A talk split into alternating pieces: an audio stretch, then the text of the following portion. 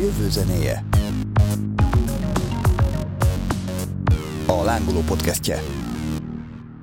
Sziasztok! Ez itt a Jövő Zenéje negyedik évadának 11. adása, egészen pontosan tudom, most már begyakoroltam, pedig az első... Pedig már vigyorgunk ilyenkor egyből. Első, első hányban még fogalmunk se volt, hogy ez most éppen hányadik lesz, majd mikor adódik le, és stb., de most már tudjuk.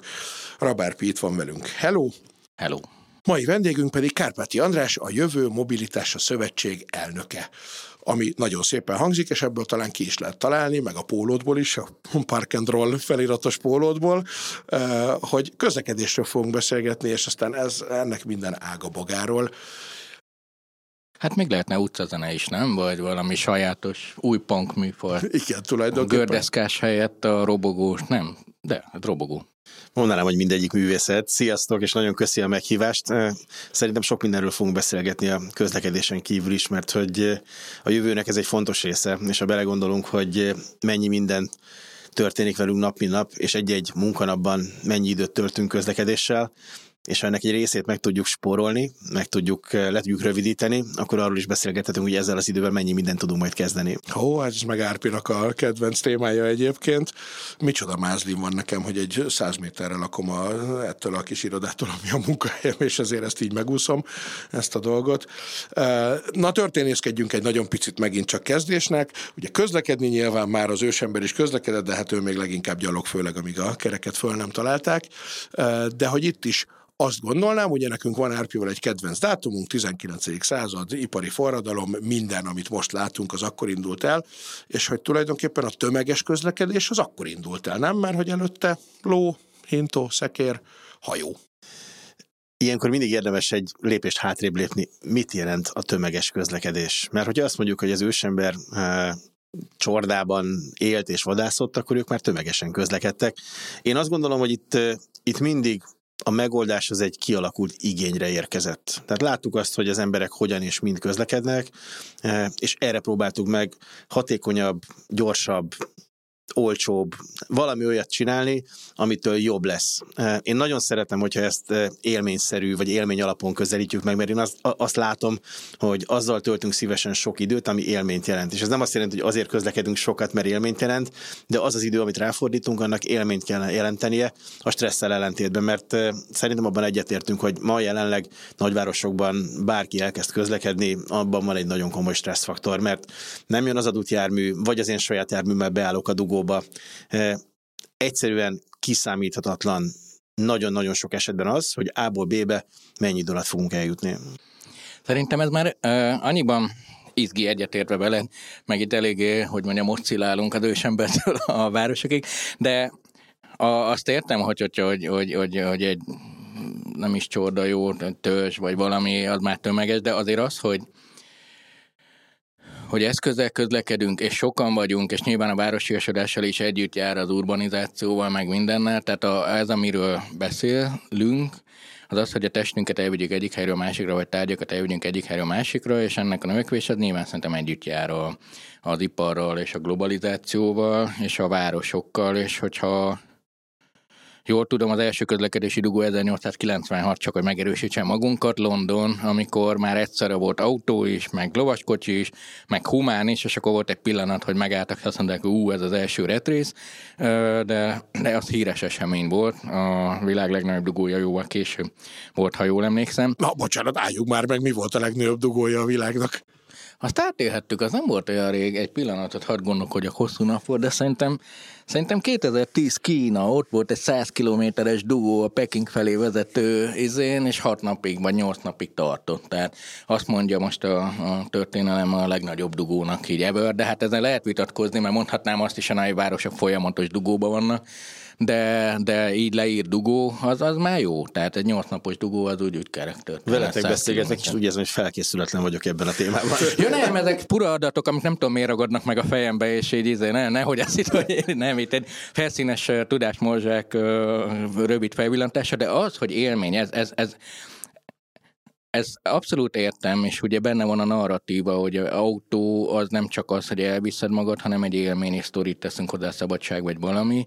De szerintem ez a gondolat, hogy mondasz, ez nagyon újkori termék, hogy utazás közben is élmények érjenek, zenét hallgassak, vagy önvezető autóba videót nézek. Tehát ez nekem tetszik, de szerintem ez új dolog, hogy élmény is legyen, eddig hatékony akart lenni és gyors. Szerintem ez a kettő összefügg. Én azt gondolom, hogy ha hatékony, akkor egyben élmény is.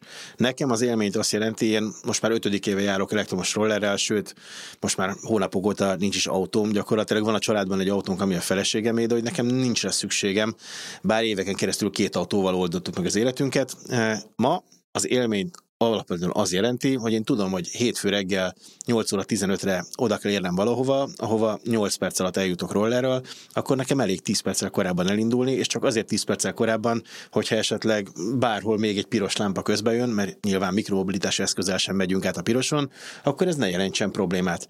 Ha autóval kéne mennem, vagy ne Isten tömegközlekedésre, akkor biztos rászámolnék, mert pont előttem megy a villamos, pont lesz egy dugó a hídon, pont ott van egy kukásautó, sorolhatnám, mikromobilitási eszközzel, kerékpárral, elektromos rollerrel, ilyen nincs. És ez, szerintem ez a legfantasztikusabb. E, és ha megengeded, egyetlen egy gondolatot tennék hozzá. Egyik legnagyobb büszkeség az én életemben az elmúlt három évben, van egy partnerem, akit egy Esmerciből szállítottam ki, és raktam át rollerre, használja az esmerciét. Ő minden reggel telkiből bejön a Monpar környékére, és onnan eddig a merci ment tovább, és oldotta meg a napját. Nagyon sokat járunk egy közös üzleti közösségbe, és mindig kérdezi, ja, megír rollerre? No, persze megír rollerre. És amikor már 20 szóra mondtam neki, hogy én 8 perc alatt értem ide, és ő mondta, hogy most éppen 40 vagy 50 perc volt, akkor mondta, hogy figyelj, hadd próbáljam ki. És akkor adtad neki tesztre egy rollert, ő bejön a Monparkhoz, lerakja az esmerciét, és az egész napját rollerrel oldja meg. Nekem is, és neki is, ez másfél órát spórol meg egy munkanap alatt. És hogy a roller ugye azért is nagyon jó, mert hogy nem izzadsz meg. Mert nekem pont a bringával ugye ez volt a, a bajom, meg ezt mesélték is sokan, nekem nyilván ez az 50 méter, ez tök mindegy, hogy mivel teszem meg, nyilván gyalog, de hogy, a, a, hogy tök jó biciklizni, csak az a baj, hogy, hogy nyáron, mire beérsz a munkahelyedre, addigra, ha van ott zuhanyzó, akkor utána fogsz tudni tehát prezentálni magadat, ha nincs, akkor nem nagyon. Ez így van. Én azt gondolom, hogy a kerékpár az esetek többségében inkább sporteszköz, mint közlekedési eszköz. Ki kell emeljem, vannak olyanok, akik tudnak mm, a szó jó értem, öreg urasan kerékpározni, fölül, teker, odaér, nincs gond. Én, ha kerékpározok, az olyan, mint egy ilyen teljesítménytúr lenne, én rögtön elkezdek tekerni, följebb kapcsolok, haladok, 50 méter alatt is meg tudok izzadni. A rollerben az a csodálatos, hogy én öltönyben minden további nélkül van egy bőr hátizsákom, benne van a laptopom, jövök, megyek, és sehol nem, pro- nem probléma. A legszebb az benne, hogy három-négy évvel ezelőtt azért még olyan furán néztek rám. Ma már ez egy tök természetes dolog. Nincs olyan irodaház, nincs olyan étterem, ahol így furán néznek, hogy úristen rollerre jött, sőt, egy csomó helyen van azt mondja, hogy étterem, ahhoz asztalhoz üljél, mert hogy ott van konnektor, és tudod tölteni. Oh. Szóval az elfogadottsága elképesztő mértékben nőtt az elmúlt egy-két évben. Igen, mert de szerintem az élmény itt az, hogy van választásod. Tehát az élmény az, hogy most beszélgettünk 5-6 közlekedési eszközről. És az élmény az, hogy ki tudod alakítani azt a stratégiádat, ami a jó. Nyilván az a rossz, amikor valaki beleáll ebbe. Tehát ö, ilyen a napom, akkor BKV-vel megyek, ilyen akkor autóval megyek, ilyen akkor, akkor rollerrel, ilyen akkor gyalog megyek, és ha ezt tudod variálni, az az okos viselkedés, az tud élményszerű lenni. Nyilván az a rossz döntés, hogyha mindig autóval vagy mindig rollerre megyek, te azért tudod ezt tenni, mert, mert, mert, mert, mert tudsz választani. Kicsit félek, hogy itt a hallgatók, nézők azt hiszik, hogy leadtam neked előre a skriptet, mert hogy konkrétan a, a, az egyik fő küldetésünknek az edukációt gondoljuk, és az edukációnak pont az a lényege, hogy ismertessük az emberekkel az összes közlekedési módot. A görkorcsolyától, a normál roller, az elektromos roller, a normál bringa, az elektromos bringa, kisautó, nagyautó, kombi, teherautó, autó, repülő, busz, stb.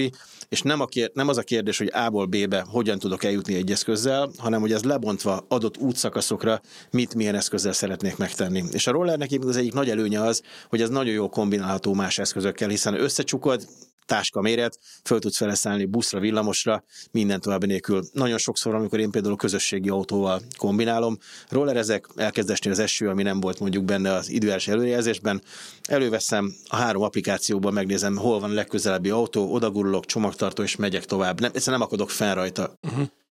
A, arra azt, azt tudjátok, hogy az első, mert az első bicikli, vagy nem is az első, de hogy a régi biciklik, hogy ilyen szoktunk ilyen képeket látni, velocipéd, nagykerék elő, kicsi hátul, mondjuk az sem volt annyira régen, 200 éve talán, vagy ilyesmi, de rollerezni mikor kezdtek az emberek?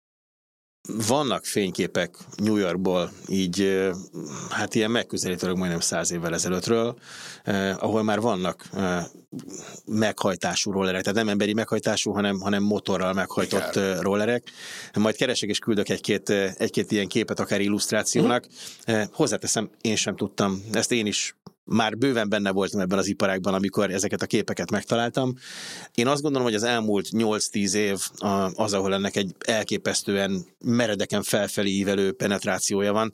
Egyrészt a technológia is nagyon sokat fejlődött, hiszen ma már akár az a roller, amivel én jövök, ez egy 11,5 kilós roller, 30 km plusz hatótávval és 30-40 km közötti végsebességgel, amellett, hogy nem használom ki, az ereje az nagyon jó ahhoz, hogy például föl tudjak menni a Monparkhoz, mert egy kisebb teljesítményű rollerrel síkon valószínűleg elvisz, de a hegyre már az én 100 kilomat nem viszi föl. Tehát iszonyatosan fejlődik a technológia. És most egy pillanatra vissza utalnék arra, amit az előbb mondtál itt az autók, lovaskocsik, stb. Mm-hmm. Minden olyan pillanat, amikor egy újfajta eszköz be kell illeszkedjen a közlekedésbe, egy olyan szervezetbe, egy olyan rendszerbe, amihez már hozzászoktak 10-20-30-100 éven keresztül, és ebben jön egy új dolog, akkor azt valamilyen módon szabályozottan, rendszerezetten, harmonikusan kell belevinni. Én pont a volt középiskolában életvitel órákat tartok, és tegnap pont változásmenedzsmentről beszélgettünk 17 éves gyerekekkel, és az Adidasnak volt egy 2020-as kampánya, aminek Jordan Hill volt a kreatív igazgatója, ez a Change is a Team Sport, és ő mondta egy nyilatkozatban a kampány megjelenése döntése után, hogy a változást akkor lehet jól értelmezni, hogy a változást végigvivők megfelelően respektálják és tiszteletben tartják a múltnak a vívmányait. Hiszen a cél nem az, hogy azt töröljük el, mert rossz, hanem az eddig volt jó, és azt tovább kell fejleszteni. De ez nem azt jelenti, hogy azok egyik pillanatról másikra meg fognak szűrni. Beszélhetünk most rollerekről, önvezető autókról, egy csomó olyan újfajta eszközről, aminek ma ugyanazt kell végigvinni, mint x évvel ezelőtt az autóknak, amikor megérkeztek a lovaskocsik közé. Igen, és hát Erpi, neked is a kedvenc témád, nem, hogy eltűnni nem szokott semmi, tehát mindig jön egy új dolog mellé, de az nem azt jelenti, hogy a régit végérvényesen kiszorítja sokszor. Hát igen, hogyha okosan viselkedünk, stratégiákkal játszunk, itt ugye, ha ennél tartunk viszont, hogy urbanizáció és az élmény meg a szükség hozza, mert mert sokszor azért ugye van az, hogy ki akar szolgálni valamit, és erre is megvoltak a rutinok, nem tudom, 50 év azzal telt, hogyha azt érzékelte egy városvezetés, vagy valaki, hogy ott nagy tömegek fognak, akkor általában villamos járatokat oda kivittek, vagy ne Isten metrót, attól függ melyik városról van szó, vagy, vagy hogy akkor utána az, hogy jó, a kisebbeket buszjáratokkal oldod, meg ez meg, de most egymás mellett kell ezek éljenek. Tehát, hogy itt annyiban különbözik most a helyzet, hogy ezek nagyon gyorsan terjednek, és valóban sokat fejlődött, mivel van rá igény, emiatt megéri belefektetni, ezért megéri jobb gumikat csinálni, mert stabilabb a roller, megéri erősebbet venni, mert, mert akkor meg is veszik, Viszont a város kép maga ugyanakkora, tehát hogy az utcák ugyanilyen szélesek, és akkor jönnek az érdekcsopatok, hogy, hogy akkor az autó kontra izé viták, amikben politika nélkül az egy, az egy nehéz ügy, hogy meg kell indokolnod, hogy egy másik érdekcsoport. És én azért szeretem ezt a vonalat, amit a nézőink tudják, hogy nincsen a skriptjeink, úgyhogy nem miatt nem aggódom, de amit megbeszéltünk előre, hogy, hogy egyszerre több minden van, hogy, hogy ha többet használsz, akkor tudsz annak a szemével is nézni. Nyilván az az autós, aki amúgy bringázik is, az, az jobban érti egy biciklisávnak a kezelését vagy menedzsmentjét, és fordítva. Aki meg egy vonalon mozog, akkor nagyon sokszor átesnek a ló túloldalára, és pont azért, mert érdeket akar érvényesíteni, hogy határozottan és agresszívabban kommunikál a saját egy ügye mellett, mindegy, hogy melyik, és az a több kárt okoz általában, mint haszna. Egy nagyon vad példát fogok mondani erre. Sok más mellett egyébként egy tánciskolát is üzemeltetünk, kubai szalszával foglalkozunk, és itt például haladó szinten... Mobilitás az Isten. Sokszínűség. De még milyen? Így van, igen, abszolút. Igen. Tudjuk a kertészetet, akkor van a, a, a jó, hát a nem, menj, nem, nem menjünk ezzel most végig, jó, de, van, jó. de van több művészeti ágaz is, de uh-huh. a lényeg a lényeg, hogy haladó szinten van egy olyan oktatási része, ahol helyet cserélnek a fiúk, lányok, és hogy a fiúk kezdenek el követni, a lányok kezdenek el vezetni, és nem csak azért, hogy a technikájuk fejlődjön, bár ez is benne van, hanem pont azért, hogy megnézzék, hogy mi van az asztal másik oldalán. Teljesen másképp fog egy lány követni, hogyha ő már vezetett is, és látja azt, hogy milyen nehéz volt valakit úgy vezetni, hogy a másiknak egyértelmű legyenek ezek a, a úgy kódolom, hogy a másik dekódolni tudja a megfelelő üzenetet. Ez mi, az életünk minden területén így van. És nem kell nagyon messzire menni. Ha beszélgetünk valakivel, eh, én mindig azt szoktam mondani, egyetlen egy fontos. Ha én mondok Árpi neked valamit, akkor te azt érts belőle, amit én mondok. Eh, amikor angolul tartok előadást, én viccesen az elején mindig azt szoktam mondani, hogy én, én azt a nyelvet beszélem, amit a világon a legtöbben, az a nem anyanyelvi helytelen angol és nem, nem izgulok azon, hogy nyelvtanilag helyes vagy nem helyes, nem Shakespeare angolt szeretnék beszélni, én azt szeretném, hogy azt értsék, amit én üzenni szeretnék azokkal a szavakkal, amit egymás mögé rakok. Ugyanez van egy közlekedésben is. Nem Igen. azért kell kirakni egy indexet, hogy én elmondhassam, hogy kiraktam, hanem azért, hogy körülöttem lők tudják azt, hogy nekem van egy kanyarodási szándékom. Igen, a, itt amiről beszélünk, az a könnyű és a nehéz empátia közötti különbség. Ugye a könnyű empátia az az, amikor bele, azért könnyű empátia, mert te is átértél hasonlót. Szerelmi bánata van a haveromnak, nekem is volt, leülünk, elmondjuk, gondolom másik oldalon ugyanígy van, mi elmondjuk, hogy a lánya hibás, leítatjuk, megvigasztaljuk, tovább lépünk rajta, könnyű empátia. A nehéz empátia az, amikor egy olyan helyzetbe próbált behelyezkedni, amiben te nem voltál. A jövőkutatásnak egy alap problematikája, tehát egy tíz év múlva állapotot kell elképzelnem, és egy tíz év múlva embert, nem a mai ember kell tíz év múlva elképzelnem, a tíz év múlva embert kell elképzelnem, aki me játszik. És a nehéz empátia ez, hogyha nem ülsz át, vagy nem fordítod meg a partnert, ugye ennek a legjobb példája a szakirodalomból Joey a jó barátokban, amikor úgy tanult meg táncolni a női oldalon volt, csak hogy a dokumentumfilmekről is beszélünk, de hogy, hogy ez a nehéz empátiát kell könnyű empátiával tenni. Szerintem a nehéz empátiát egy kicsit a jó barátokkal. Ugye azt szokták mondani, hogy hülye kérdésre válaszolni, az lehet baráti segítség. Ha ezt egész nap csinálod, az már ügyfélkapcsolat, azért fizetni kell. Eh, de hogy egy picit megint, megint máshonnan eh, hozzak példát, ugye fel szokták tenni azt a kérdést, hogy a jelen határozza meg a jövőt, amire legtöbben azt mondják, hogy igen. De hogyha egy sportpéldát hozok, ugye Wayne Gretzky azt mond, megkérdezték tőle, hogy eh, mitől volt ő világ legjobb hokis. Ő azt mondta, hogy nagyon egyszerű, ő nem oda korcsolyázott, ahol a korong volt, hanem oda, ahol a korong lesz. És egy picit azt gondolom, hogy a közlekedés is hasonlóról szól. Ha megoldjuk a ma problémáit, akkor lehetőséget adunk a jó irányba tett változásokra. Ha nem oldjuk meg, akkor ezek a változások sokkal lassabban fognak végbe menni. Tehát a, pro- a problémát azt mindig ma kell megoldani, a probléma az ma jelentkezik. Hogyha azt már megoldottam, akkor lehet a később. Ilyen értékesítési osztályon dolgoztam nagyon-nagyon sokáig. Én mindig elmondtam azt, hogy beszélgethetünk üzletfejlesztésről, de hogy a legjobb ügyfél a régi ügyfél. Ha azt nem oldjuk meg jól, akkor teljesen fölösleges olyanra áhítozni hozni, ami még nincsen meg, hogyha a meglévők nem működnek. Úgyhogy én azt gondolom, most is van nagyon sok probléma, amit meg kéne oldani, és amikor autó kontra egyéb eszközökről beszélgetünk, és itt jönnek a nagy autóellenesek, nem autóellenesek vagyunk az, a szövetségen belül.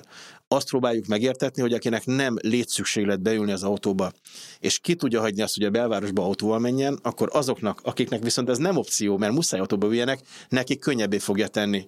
És erről nem csak az szól, hogy könnyű empátia, és akkor belélem magam, nekem is jobb lesz. Én az Andrássy út mellett dolgozom, minden nap az Andrássy úton megyek végig rollerrel, és minden nap végig gondolom azt, hogy hogy az Istenben vagy ezek az emberek itt ülnek az autóban, minden reggel látom őket.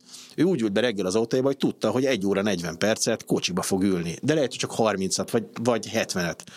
Elképesztő. Úgy, hogy látom azt, hogyha adott kilométeren belülről jön, és ezt mondjuk BKK-val, vagy BKV-val, vagy mikromotos eszközzel tenné meg, akkor ez 10 perces megoldás lenne. Van egy nagyon, bocsánat, van egy nagyon kedves barátom, három, érdek, érdekel, három, hogy... gyere, három gyereke van, agglomerációban jár be. Az első dolog azt mondta, hogy ő nem tudja megoldani. Hát a gyerekeknek ben van a hoki cucca, a kosár cucca, a gitárja, nem tudom micsoda. Sokat beszélgettünk erről, nem akartam meggyőzni az igazamról, de rávezettem arra, hogy vigyél a gyerekeket reggel iskolába. Tegye le az Árpátidnál az autóját, oldja meg az egész napját kerékpállal vagy rollerrel, majd délután menjen vissza az autójához, vegye fel a gyerekeket, vigye őket edzésre, ezen órára, bármire. Igazából, amit őt 8 négyzetméterre használ, az egy raktár annak nem kell mozgóraktárnak lennie, azt le tudom tenni egy fix helyre, és a saját mobilitását pedig könnyítse le. Ma így oldja meg az életét, ő nem más felett csak olyan kb. egy órát takarított meg, de hogy egy csomó dolgot meg tud oldani, úgy megy el a gyerekekkel, hogy nincsen stressz. Érzékelem, hogy meg akar, de gyorsan reagálok rá, és ezért szegény mikor így néha így elkezdek. Én ezt szeretem a legjobb, amikor csak hallgatom kell, hogy de jó, de jó, de jó. Itt jönnek be a párhuzamosságok, mert ez, ez szerintem mindenki érti. Nyilván nem mindegy, hogy a közlekedési vonalad, most beszéljünk a megszokott rutinokról, mert alapvetően megszokott rutinok mellett mozgunk, jól leírható. Igazából négy-öt napig megfigyelsz az ember geolokációs adatokkal, meg tudod mondani 90%-ban hol lesz jövő héten hánykor. Nincs ezzel baj, mert ez így működik, néha vártunk. De amikor te azt mondod, hogy ő jön át, és ő ezt meg is érti, akkor azt fogja mondani, de akkor kell nekem egy nagy parkolóhely az Árpád hídnál. Akkor jó, de kell más is. Most nem, tehát én totál egyetértünk, csak azt mondom, hogy új, azért kell ezt jól okosan csinálni, megelőzve, hogy ha kialakítasz egy nagy parkolóhelyet, akkor sokkal többen, sokkal könnyebben fognak így átállni, mint akkor, amikor az történik, hogy már nagy a baj, és akkor hogy oldjuk meg. Tehát hogy azt ezért a nehéz empátia, most úgy értettem nem az, hogy nem látjuk most a problémákat valami, mert ezt, ezt értem, csak hogy előre, hogyha lejátszod ezt, és megkönnyíted másoknak, hogy jók legyenek, vagy hogy jól viselkedjenek, okosan viselkedjenek, akkor nyersz a legtöbbet szerintem. Témánál is vagyunk egyébként, mert pont azt akartam kérdezni, hogy szerintetek, és ebben mind a ketten kompetensek vagytok, mi a vízió? Tehát most van egy helyzet, ehhez képest egyrészt látunk-e olyan várost a világon, ahol azt lehet mondani, hogy ú, ez, ez itt már nagyon jól csinálják, mint a Kopenhágában biztos, vagy ilyen helyeken szokták ezeket jól csinálni. Hanyatló Vagy Skandináviában, és hogy igazából van -e egy olyan vízió a közeli, meg a kicsit távolabbi jövőre, amikor az van, hogy igen, azért majd, ha megjönnek az önvezetők, ami egy külön téma lesz, még ebben is beszélgessünk arról is, akkor már mondjuk az autók eltűnnek a városból, mert abból kevesebb, vagy igazából az van, hogy ahogy mondod, hogy a jelen problémáit próbáljuk kezelni, és majd az, hogy mi van, azt meg majd adja magát, mert hogy úgyse látjuk, mert, mert a rollert se láttuk 15 éve, nem? Abszolút, ez így van. A skandináv országok abból a szempontból egy kicsit állatorvosiló, hogy ott a szabálykövetésnek a történelmi jelentősége, az, az így beleívódik az emberekbe. Tehát, hogyha valamit kitalálnak, akkor az emberek azt csinálják, mert hogy tudják, hogy az jó lesz. És ha mindenki csinálja, akkor tök jól működik. Ha mindenki 50-nel menne, ott 50-es tábla van, akkor haladna a forgalom, de azért, mert valaki 80-nal megy, és odaír a piros lámpához, úgyhogy még nem váltott át, amiatt meg kell állnia, az is meg fog állni, aki csak 30 jött. Tehát, hogy van egy csomó olyan dolog, ami csak rendszer szinten működik. Én azt gondolom, hogy ezeknek van előnye és van hátránya. Az előnye az, hogy a maga a rendszer működik. A hátránya az, hogy a változások sokkal lassabban mennek végbe, mert hogy nagyon lassan ivódik bele harmonikusan ez a történet. De mondok egy nagyon jó példát erre egyébként. Hollandiában olyan 20-30 kilométerről jártak be az emberek kerékpárral a munkahelyükre, mindenhol van kerékpárút, ez egy tök vállalható táv. Az e-bike-oknak a megjelenésével ez kitolódott olyan 40-50 kilométerre.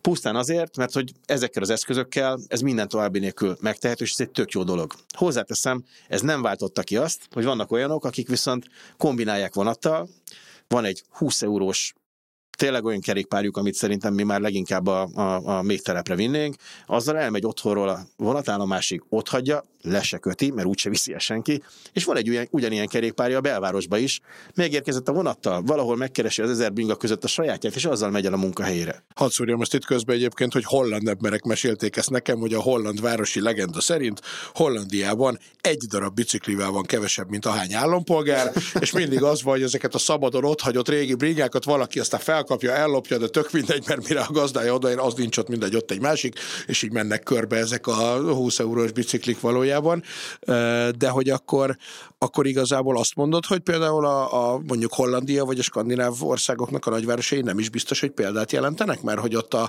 a, a szokásos példánk, hogy miért van egy, nem tudom, nyugat-németországi panzióban még olyan Grundig tévé, ami még képcsöves, mert hogy 30-40 éve vették, és azóta is jól működik, minek cserélnék le lapos tévére. Tehát, hogy ott, ott, ott lehet, hogy nem is az a jövő, hanem inkább azt kell nézni, mi van Bukarestben mondjuk, vagy olyan helyeken, ahol most még nagy káosz van, de aztán a fejlődésnek egy későbbi pontján kell belépniük a egy nagyon éles húszervágással váltanám ezt a dolgot úgy, hogy én nem szeretem az összehasonlításokat. Ez egy több szubjektív dolog. És ennek az oka az, hogy egy szociológiai mély tanulmány nélkül nem lehet értékelni ezeket a dolgokat, és mivel ezek az országok teljesen más szociológiai háttérből jönnek, ezért ami mondjuk működik skandináv országokban, az nálunk biztos nem fog működni, és vice versa. Én azt gondolom, hogy Magyarország iszonyatosan innovatív egy csomó dologban. Nagyon jó ötletek vannak, és szerintem a magyar embereknek az egyik legfontosabb tulajdonsága az, hogyha nekik szükségük van valamire, akkor megoldást fognak rá találni. Az, hogy milyen eszköz, az egy következő kérdés. Uh, ami egy picit nehezebb, az az edukációnak a sebesség, az edukációnak a penetrációja. Nem mindenki fogadja el a a, a más megoldásokat, hiszen az övé a jó. Ez kicsit olyan, mint vidéken mindenki a saját pálinkájára esküszik, e, itt is mindenki a saját közlekedési megoldásaira esküszik. A kényelem egy fontos faktor, ezt egy picit le kell azt gondolom e, törni ennek a szarvát, mert hogy a kényelemből az emberek nagyon nehezen adnak vissza. E, én is nagyon kényelmes voltam. Viszont az, hogy minden nap más tudok spórolni, ez nagyon egyszerűen átvitt a kényelemből a hatékonyság felé. Én viccesen azt mondtam, hogy én három-négy évvel ezelőtt kitaláltam a négy napos munkahetet, mert hogy a napi másfél órás spórolással igazából egy munkanapi idő összejön egy héten. Ha nem mikromobilitással közlekednék, nem tudnám megoldani azt, hogy én minden nap elhozom a fiamat négykor az iskolából, mert egyszerűen nem, ér, nem érnék oda. Volt egy nap, amikor eh, nem én mentem érte, eh, eh, ezt ő is tudta, de elfelejtette. Akinek mennie kellett volna érte, az egy picit később ért oda, és hát a tanítónő mondta, hogy hát majd biztos nyugalom minden, és a fiam azt mondta, hogy biztos baleset van, hiszen én a mikromutási eszközömmel biztos nem kerülök dugóba. Hiába mondta talán azt, hogy dugó, nyugi nem sokára jön, fiam, Dávidnak hívják, Dávid pontosan tudta azt, hogy mi sose állunk a dugóban, haladunk, hiszen, hiszen ez erről szól. De és ő, ő, ő neki van saját rollerje, és akkor úgy mentek, vagy? Még nincsen, bevallom őszintén, mi most ketten állunk a rolleren, kerékpárúton megyünk. Az szabad? Jelenleg semmilyen szabályzás nincs erre, erre majd kitérünk, mert azt gondolom, ez egy nagyon fontos témája, és akkor csak egy tényleg pici spoilerezés. Több mint százezer roller van kint az utcán úgy, hogy erre nincsen jelenleg szabályzás a végső stádiumban vagyunk. Ígéretet kaptunk arra, hogy itt az első-második negyed évben meg fog jelenni az erre vonatkozó szabályzás. Szerintem ez nagyon-nagyon fontos. Ne azzal foglalkozzunk, hogy ennek már ki kellett volna jönnie, örüljünk annak, hogy most már lesz. És ez egy nagyon jó dolog. Évek óta topik, ugye, vagy sebesség alapján, vagy erő alapján, vagy vagy mi van. alapján legyen beszabályozva. Néhány dologra reflektálva, hogy itt ugye én szeretem az összehasonlításokat, de nem azért, mert hogy de ugye az, a, a jó példák általában azzal tudsz bevinni a te közösségedbe egy dolgokat, hogy látod, hogy máshol működik. Tehát ezért is sokat összehasonlítások. Nyilván itt két dologról is beszéltünk, hogy most közlekedéstől vagyunk. Az egyik a társadalmi bizalom, tehát az, hogy, hogy a nagy a társadalom bizalom, és a skandináv országban nagy, és ezért, amikor egy változtatást bevezetnek, sokkal hamarabb elhiszi, hogy ez az ő érdekében történik, mint, és nem ellenségként kezeli azt, hogy na akkor velem most kibabráltak, valamit elvettek. Elvettek egy autósávot az Andrássy úton, valaki gonosz volt velem. Ez, ez a társadalom bizalom kérdése, és ez, ez nálunk nem magas, csomó más országban sem magas, ez tény. De ami szerintem pontos az az, hogy egy, van-e választás, kettő, hogy érdekeltétet tudod tenni benne az illetőt, és a harmadik csak az emberi faktor, ami igenis az, hogyha ráteszed az életedet egy, egy ö, sikerre, és azt eléred, akkor utána jön valaki, aki azt mondja, hogy most más területen érje a sikert. Tehát gyűjtöttem egy csomót, vettem egy jó autót, és, és van végre egy jó autóm, és megoldottam, és megvettem a jó házamat, akkor most valaki jön azzal, de most már üljé biciklire. Nem, te Zsó, egy van a jó autóm, ki akarom élvezni. Tehát, hogy, hogy ahelyett valami olyan modellt kell tenni, a, akkor ugye a választás kérdése az, ami a legnehezebb ügy általában, és ezt lehet felülről, hogy én mondhatom neki, hogy szálljon de van-e parkolóhely, van-e ez, autó mellett van-e pénzem egy rollerre, ha ez ellopják, a munkahelyem nem szereti, diszkomportézésem van, vagy azért a rollernek az is egy blokkerje, hogy nem tudom, tíz éven belül akkor is a magyar lakosság 25%-a 65 év fölött, és nem biztos, hogy jó nekik, hogy a rollerre ülnek, érted? Tehát nem mindegy. Nem is cél az, hogy mindenkit rollerre állítsunk. Tudom, csak példaként mondom, hogy, hogy a, a, a, de ha az érdekét megtalálod benne, és itt jön be szerintem a technológia, egy választási lehetőséget ad, mert a roller igenis a sűrű városokban az olyan típusú emberek igenis egy olyan alternatívát kínál, ami sok helyzetben jobb vagy más, mint a bicikli. És az önvezető autó is szerintem ezért fontos, nem azért, hogy olyan ember, aki amúgy tud vezetni, önvezető autóval menjen, hanem az az idő, és akit már rollerre nem akarok ültetni, az önvezető autó vigye el, és hogy kimozduljon ez a társadalom szempontú időt, a rollernek azt kell megtalálni, azt kellett megtalálnia, hogy ne legyen ciki. És ez nagyon gyorsan megtörtént. Ez így van. Igen, Egy... Mióta mondta, tíz év? Vagy mi, mikor kezdődött ez a rollerezés valamennyire Pesten? Tehát mi mikor láttunk itt először rollert? Hát ezt nagyon nehéz belőni, de szerintem ez ilyen tíz év környéken. Biztos, biztos, hogy volt ennél korábban is már egy pár darab, de tíz évvel ezelőtt volt az, amikor így tömegesen elindult a rollereknek a megjelenése. Egy dologra szeretnék reagálni, mert ez egy nagyon-nagyon fontos szempont. Azt mondtad, hogy valaki, aki sokáig dűltett és megvette az államautóját, mit tekintünk államautónak? Egy mindennapi használati tárgyat, aminek a hatékonysága fő célja, vagy egy olyan tárgyat, ami egy élményeszközt, amit azért vettem meg, hogy hobbiként hétvégén menjek jobbra-balra.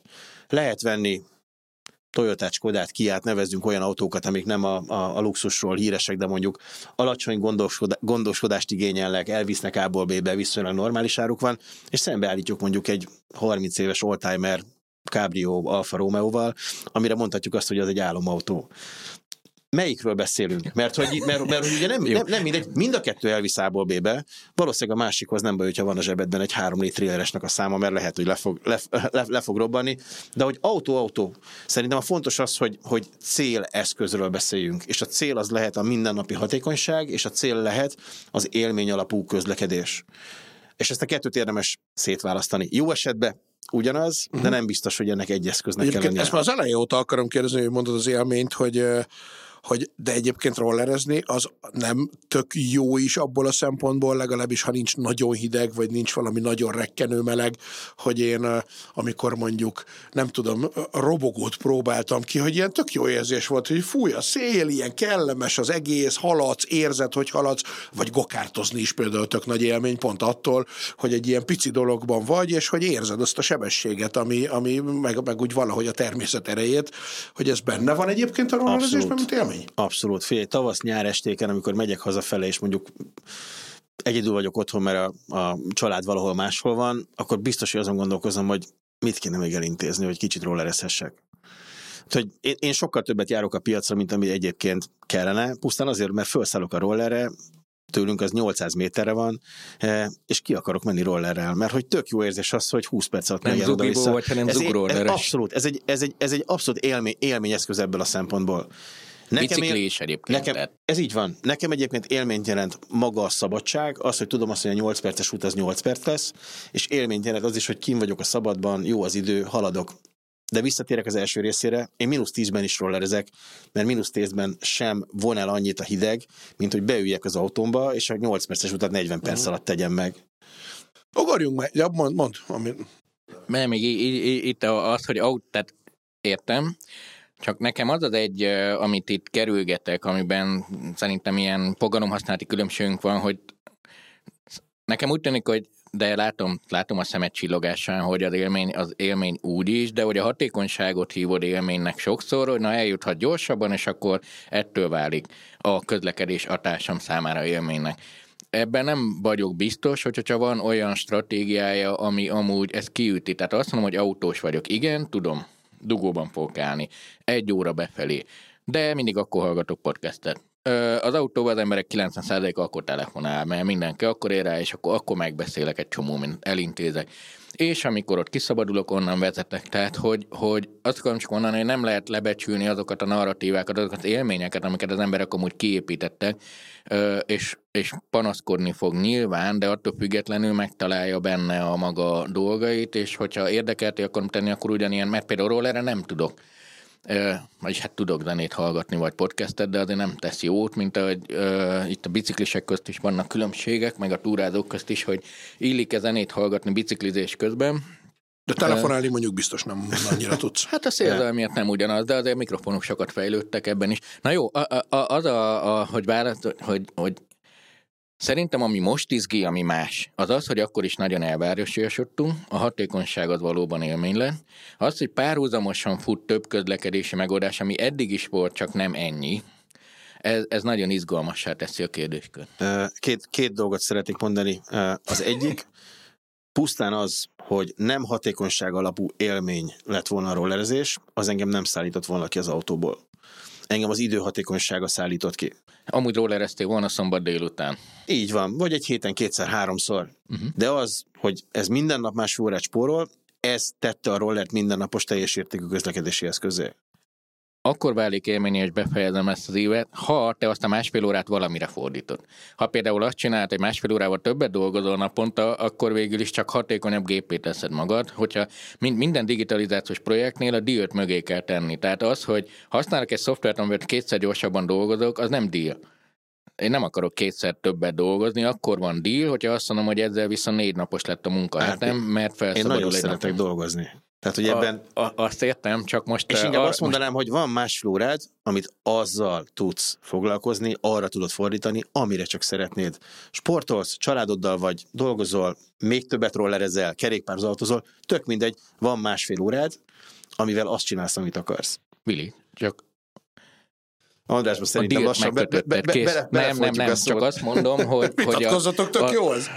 érdekrésznél, amikor meg akar győzni valaki, tehát most nem egymás győzködjük, bár én biciklis vagyok, és nem rolleres, de ez legyen életünk legnagyobb problémája szerintem, de hogy, hogy csak azt mondom, hogy hogyha egy ajánlatot teszünk úgymond a társamnak, hogy na nézzétek, te mennyire több járművel, akkor azt is el kell mondani, hogy ezen a dílen mit nyersz akár az, hogy gyorsabban bejutsz rendben, de akkor mi van? Tehát, hogy nem biztos, hogy jó, ha gyorsabban bejut, ha a gyerek így is úgy is négyig van suliban. Akkor ő ráoptimalizálta az életét arra, hogy ő is négyig dolgozik, és hazafelé fölveszi. Mi, mi van akkor egy órával hamarabb hazaér? Ö, de ki tudunk rá találni jó, csak ezt kell megtanulni az emberekre, ne azt az egy dolgot nézzék, hogy ez egy eszköz, hanem hogy mit nyernek vele. Jó. Na, azt akartam mondani egyébként, hogy miközben még nyilván ez a városi közlekedés dolog is tök érdekes, amivel kapcsolatban akkor még egy pillanatra akadjunk ott le, hogy, hogy ehhez képest, tehát a most meglevőkhöz képest valami újdonságot, új közlekedési eszköz, mit tudom én, repülőautót, léggördeszkát, sokkal több metrót, bármi ilyesmit, azt vizionál mondjuk a, az ezzel foglalkozó szakszövetség, vagy, vagy az van, amiről itt beszéltek is, hogy nagyjából ezek az eszközök már azért egy olyan komplet 360 fokot adnak, hogy ebből már ki kéne tudni hozni egy hatékony dolgot. Én azt gondolom, hogy nálunk sokkal szakavatottabb jövőkutatók sem látják bele, hogy milyen eszközök jönnek majd még, mert egyszerűen a technológia fejlődése az olyan szintű, Sérteget. amivel megpróbálod, de úgyse hagyod magadat. Eh, sokkal inkább látjuk azt, hogy magát a közlekedés szervezését érdemes olyan irányba fejleszteni, hogy minél több fajta eszköznek teret engedni, minél több fajta eszköz felhasználásának az előnyeit megismertetni az emberekkel, és akkor visszacsatolok megint az edukációra, és ezt bevinni akár gyerekkorban is. Hát ugye az egyik legfontosabb része, hogy például én azt gondolom általános iskola felső tagozatába, vagy akár középiskola elejére a kresszoktatásnak én abszolút látom a helyét. Nem azért, hogy elvegyük a, a, a, a teret a lexikális tudástól, de én azt gondolom, hogy a mai világban, de, ahol... azért is jó az. És rögtön, fi, rögtön finomítani akartam, tehát a mai világban, ahol beütöm a telefonomba azt, hogy mikor volt a Pákozdi csata, és kihoz 128 millió találatot három másodperc alatt, Nyilván általános műveltség is fontos, de azért azt szerintem belátjuk azt, hogy, hogy, hogy az a mennyiségű lexikális tudás, amit a gyerekek fejébe tukmálunk, az, az nem biztos, hogy szükséges. Én picit elvicceskedve, mert azon humorral nagyon sok mindent el lehet érni.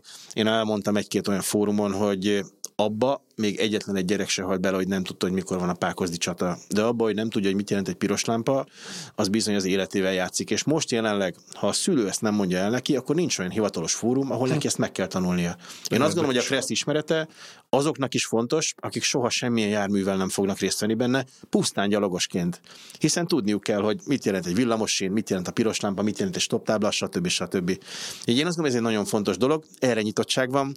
Eh, mi szerveztünk már kisebb körökben ilyen jellegű oktatásokat, szerveztünk kerékpár elektromos roller kipróbálási lehetőséget. A tavalyi év tavaszán volt egy fenntarthatósági hét, ahol a Magyar Autóklubbal közösen volt egy kéthetes kampányunk ezzel kapcsolatban, és ez nem nagyon-nagyon jó. És akkor itt most egy megint egy éles huszárvágással egy picit váltanék. És azt látom, hogy például a vállalatoknak ebben egy nagyon-nagyon fontos felelősségvállási szerepük van, hiszen a vállalatokon keresztül egy sokkal nagyobb tömeget lehet elérni, mint hogyha egyesével beszélünk minden egyes egyéni felhasználóhoz, és mondok egy-két példát. Nem csak és kizárólag elektromos roller flotta kezeléssel foglalkozunk, hanem elektrifikáció tanácsadással is. Az ESG kapcsán azért egyre több vállalat nyitott arra, hogy hogyan lehet elektromos autókat beilleszteni a flottájukba. Persze nagyon sokan vannak, akik ezen ellenkeznek. És megint csak konkrét példa, van olyan cég, ahol mindenkinek középkategóriás kombi autó a cégautója, és hát el is mondták, hogy nagy részüknek azért kell, hogy a családdal két hétre el tudjanak menni Horvátországba, Olaszországba. Van olyan cégvezető, akivel le tudtunk ülni, és végig tudtuk beszélni, hogy milyen olyan koncepciók, stratégiák vannak, ahol ezeket ki lehet váltani. Azok a kollégák, akik hajlandóak voltak ezt a kombi autót visszaadni, és átülni egy hasonló kategóriás, de sokkal kisebb, például nem kombi elektromos meghajtású autóba, nekik garantálták azt, hogy arra a két hétre, amikor elmennek, akkor meg fogják kapni azt a dízel vagy benzin meghajtású nagyméretű kombi autót, és ebből nem lesz probléma. Kétszer két hétre szeretne menni, mert sok gyerek van, és van annyi szabadsága, azt is meg megoldjuk. És szép lassan elkezdték lecserélni, 10%-kal kezdtek, most 30-40%-a között van már az elektrifikációnak a, a, a cégen belül. Amit még hozzátettek, és hogy, hát... le, hogy, legyen, csak hogy legyen incentív, nem csak az elektromos autót kapták, hanem kaptak még egy elektromos rollert is belefért a büdzsébe, mert hogy nem jött ki drágábbra, mint amennyibe korábban került. És akkor egy másik példa még, ami nem csak az egyénhez kötődő, informatikai cég, tíz eh, informatikai mérnök, van rájuk négy darab pulkár, kulcsos autó, mindig probléma, hogy valaki nem tud menni, mert nincsenek benne az autók. Kiszámoltuk, levezettük, mert hogy nagyon sokan azt gondolják, hogy a fenntarthatóság az pénzbe kerül, és ez alapvetően nem igaz. Sok helyen igen, de nem általánosítható két autó megmaradt, a másik két autónak a havi bérleti díjából kibéreltek 6 darab rollert, és mellé raktak még 6-szor 60 ezer forintnyi közösségi autózás kreditet. Na ezt akartam Ergo mondani, hogy hát... négy embernyi lehetőséget hoztak, és sokszor közösségi autónál egyébként egy nagyon jó működő történet az, hogy rollerrel kombinálják, hiszen a közösségi autós tagjaink azt mondják, hogy olyan 400-500 méterig mennek el az emberek egy közösségi autóig, ha van egy roller nálam, három kilométer és elmegyek, ha az van legközelebb, mert két perc alatt odaérek vele. Innentől ezek kinyílik az a, az a kör, ahova én ezeket felhasználhatom. Tehát megint csak azt gondolom, ne nullára csökkentsünk valamit. Kombináljuk, és mindennek találjuk meg a megfelelő arányát a vállalati Igen, mert pont ezt akartam mondani, hogy a cégnek egyébként itt közben jutott eszembe, aztán mondtad is magadtól, hogy hát mennyivel logikusabb lenne adott esetben azt mondani a középvezetői rétegeknek, hogy figyeljetek, nincsen céges autó, céges roller van, meg van az a tíz céges autó, ami vidékre, meg a családi nyaraláshoz kell, viszont van 200 ezerrel több fizetés havonta, amit aztán arra költesz, amire akarsz, most mondtam valamit. Két évvel ezelőtt például behozták azt, hogy e-bike-ok adhatók kafetériában munkavállalók részére. Látszott, hogy hogy ez lassan, de elindult, mostanra szerintem már ennek elég szép a penetrációja. Én nagyon bízom benne, hogy ahogy megérkezik majd a szabályzás az elektromos rollerekre, ezek is bekerülnek a, a juttatásként adható ja, igen, mert hogy eszközök közé. céges autó sokszor ugye pont azért van, mert azt el tudod számolni költségként a bérnek, meg van még egyszer annyi közterhe, hogyha kifizetnéd, de ebben most nem menjünk bele, mert ez már egy teljesen másik irányú viszi. Hát számítanak, az állami oldalról ezekkel lehet, mint ahogy most pont a, ugye az elektromos autóknál lesz egy elég nagy keret összekiírva, ahol nagyon sok cég igényelt autót kedvezményesen, és ott is azért látszik, mi az optimális, és nem a nagy dög valami, hanem e, e, e, ezekkel lehet befolyásolni a piacot, ha amúgy ők látják, hogy nekik ez érdekük, csak nem is rá pénzük erre a beruházásra. És valóban a, a jó fenntartható projektek mindig okosak. A, itt, itt ugye azért sem szabad erőltetni, mert ezek megtörténnek, ha látod a mintákat. Sok embert látok már rollerezni, és látom, igen, elsőre vicces, hogy nem tudom, egy öltönyös üzletember is megy bele, stb. stb. Akkor, de minél többször látod ilyet, akkor már egyre kevésbé kezdett fura lenni. Ugye a rollernek akkor is a, nálunk, most Magyarországon, ö, a, volt egy gyerekjáték képe, és tíz évvel ezelőtt az változott, hogy akkor jöttek be a kemény rollerek, a nagyok, az erősek, a, a, a, a drágák is. És az e ugye a támogatásnál azért az olcsóbbakat lehetett megvenni, de az már azért e Azt akarom csak mondani, hogy, hogy egy cégnek attól függ, hogy, hogy mi a cég filozófia, mire akar fókuszálni. Azt mondja, hogy neki fontos, hogy az ő embere a céges autóval, és egy, ugye ez hozzá a képhez, hogy a cégnek az üzleti autók mindig ugye ezek a szedanok, meg a nagy autók, hogy a cég gazdag látod, hogy gazdag. És akkor mit gondoljak egy olyan szélszesről, aki kiszáll egy uh, izéből, és akkor egy ideig, ez már elmúlt, az volt, hogy Hát ezek nyomik, saját autójuk sincs. Most meg már azt mondod rá, hogy okos, és ezért ér ide időben, mert nem kell a parkolással foglalkozni. Csak van egy átfutási idő, ami mindig azon múlik, hogy hányszor tapasztalsz meg valamit. Tehát, és, és ezért van egy film, nem mai, szóljatok a köpcesnek, Danny DeVito, John Travolta. Kijönnek egy étteremből, Danny DeVito-nak odahozza velé parkingban a ferrari a, a, a, az emberke, nyitják ki, majd meghozzák Travoltának a kis elektromos autóját, és így nézve a Travolta, hogy és a sebesség, amire a Travolta csak annyit mond, hogy aki fontos, megvárják. És igazából ezek nem változtak, ezek nem változtak. Nekem volt nagy autóm, volt drága autóm, ezeket el lehet engedni. Az elmúlt két-három évben, amíg volt még eh, kvázi saját autóm, én egy icipici kis elektromos autóval jártam, és akkor megérkeztem üzleti találkozóra, ahol többen voltunk, és beálltak mellém a hatalmas nagy szedánok, ilyen-olyan, amelyek, és én beálltam melléjük a kis autókkal, akik ilyen furán néztek. Nem, ennek egyébként én is azt gondolom, hogy, hogy pont abban Idő a kell. körben, ahol tehát hogy a, a, ott, ott egyre kevésbé státuszszimbólum már ez, hogy te nagy autóval érkez valahova, tehát hogy gyakorlati jelentősége még nyilván ennek lehet, hogyha tényleg sokat kell belepakolnod, meg olyan távokon használod, ahol van. Na, de egy picit akkor menjünk most át a, a mondjuk azt imádom a rolleres témát, de most egy picit ne rollerezzünk, viszont az autóknál azért itt sok minden elhangzott már. Egyrészt a rövid távú kérdés az, az elektromos autók, hogy van most a szabályozás, hogy mikortól nem lehet az EU-ban eladni elvileg már csak elektromos autót? 35. 35? Tehát akkor az még azért odébb van. De ez nem ilyen egyszerű szabályozás, mert egyrészt változni fog, másrészt attól függ, hogy szembeállítasz ezért meg van a jó reg Porsche szabály, 10 ezer autó alatt gyártó cég, az továbbra is gyárthat, tehát hogy... hogy Aha, és azért egyre több helyen el, már lehetett hallani olyan visszhangokat, hogy ez a 2035 ez nem lesz tartható. Mert hogy a kínaiak annyival jobbat csinálnak, hogy Európa nem is akarja magát lábolni. De mert ez, amit akartam ezzel kapcsolatban kérdezni, hogy Ugye most azért nyilván az elektromos autó választásának Magyarországon az is egy gátja, hogyha tudod otthon tölteni, mert van garázsod, meg nem tudom, akkor ez egy viszonylag egyszerű dolog, de hát azért én a városban, meg, meg úgy általában a világban, mármint az országon belül nem olyan nagyon sok töltő lehetőséget látok. Én ezt, már rögtön ezt challenge egy picit. Hiába tudod otthon tölteni, ha ez egy céges autó, az otthoni töltést nem tudod elszámolni. Még hogyha van egy benzines vagy, vagy uh, dízel autód, akkor tankolsz céges persze. számlára, és kifizeti. De hogy az elektromos autó, és otthon töltöd, akkor ez nem megy.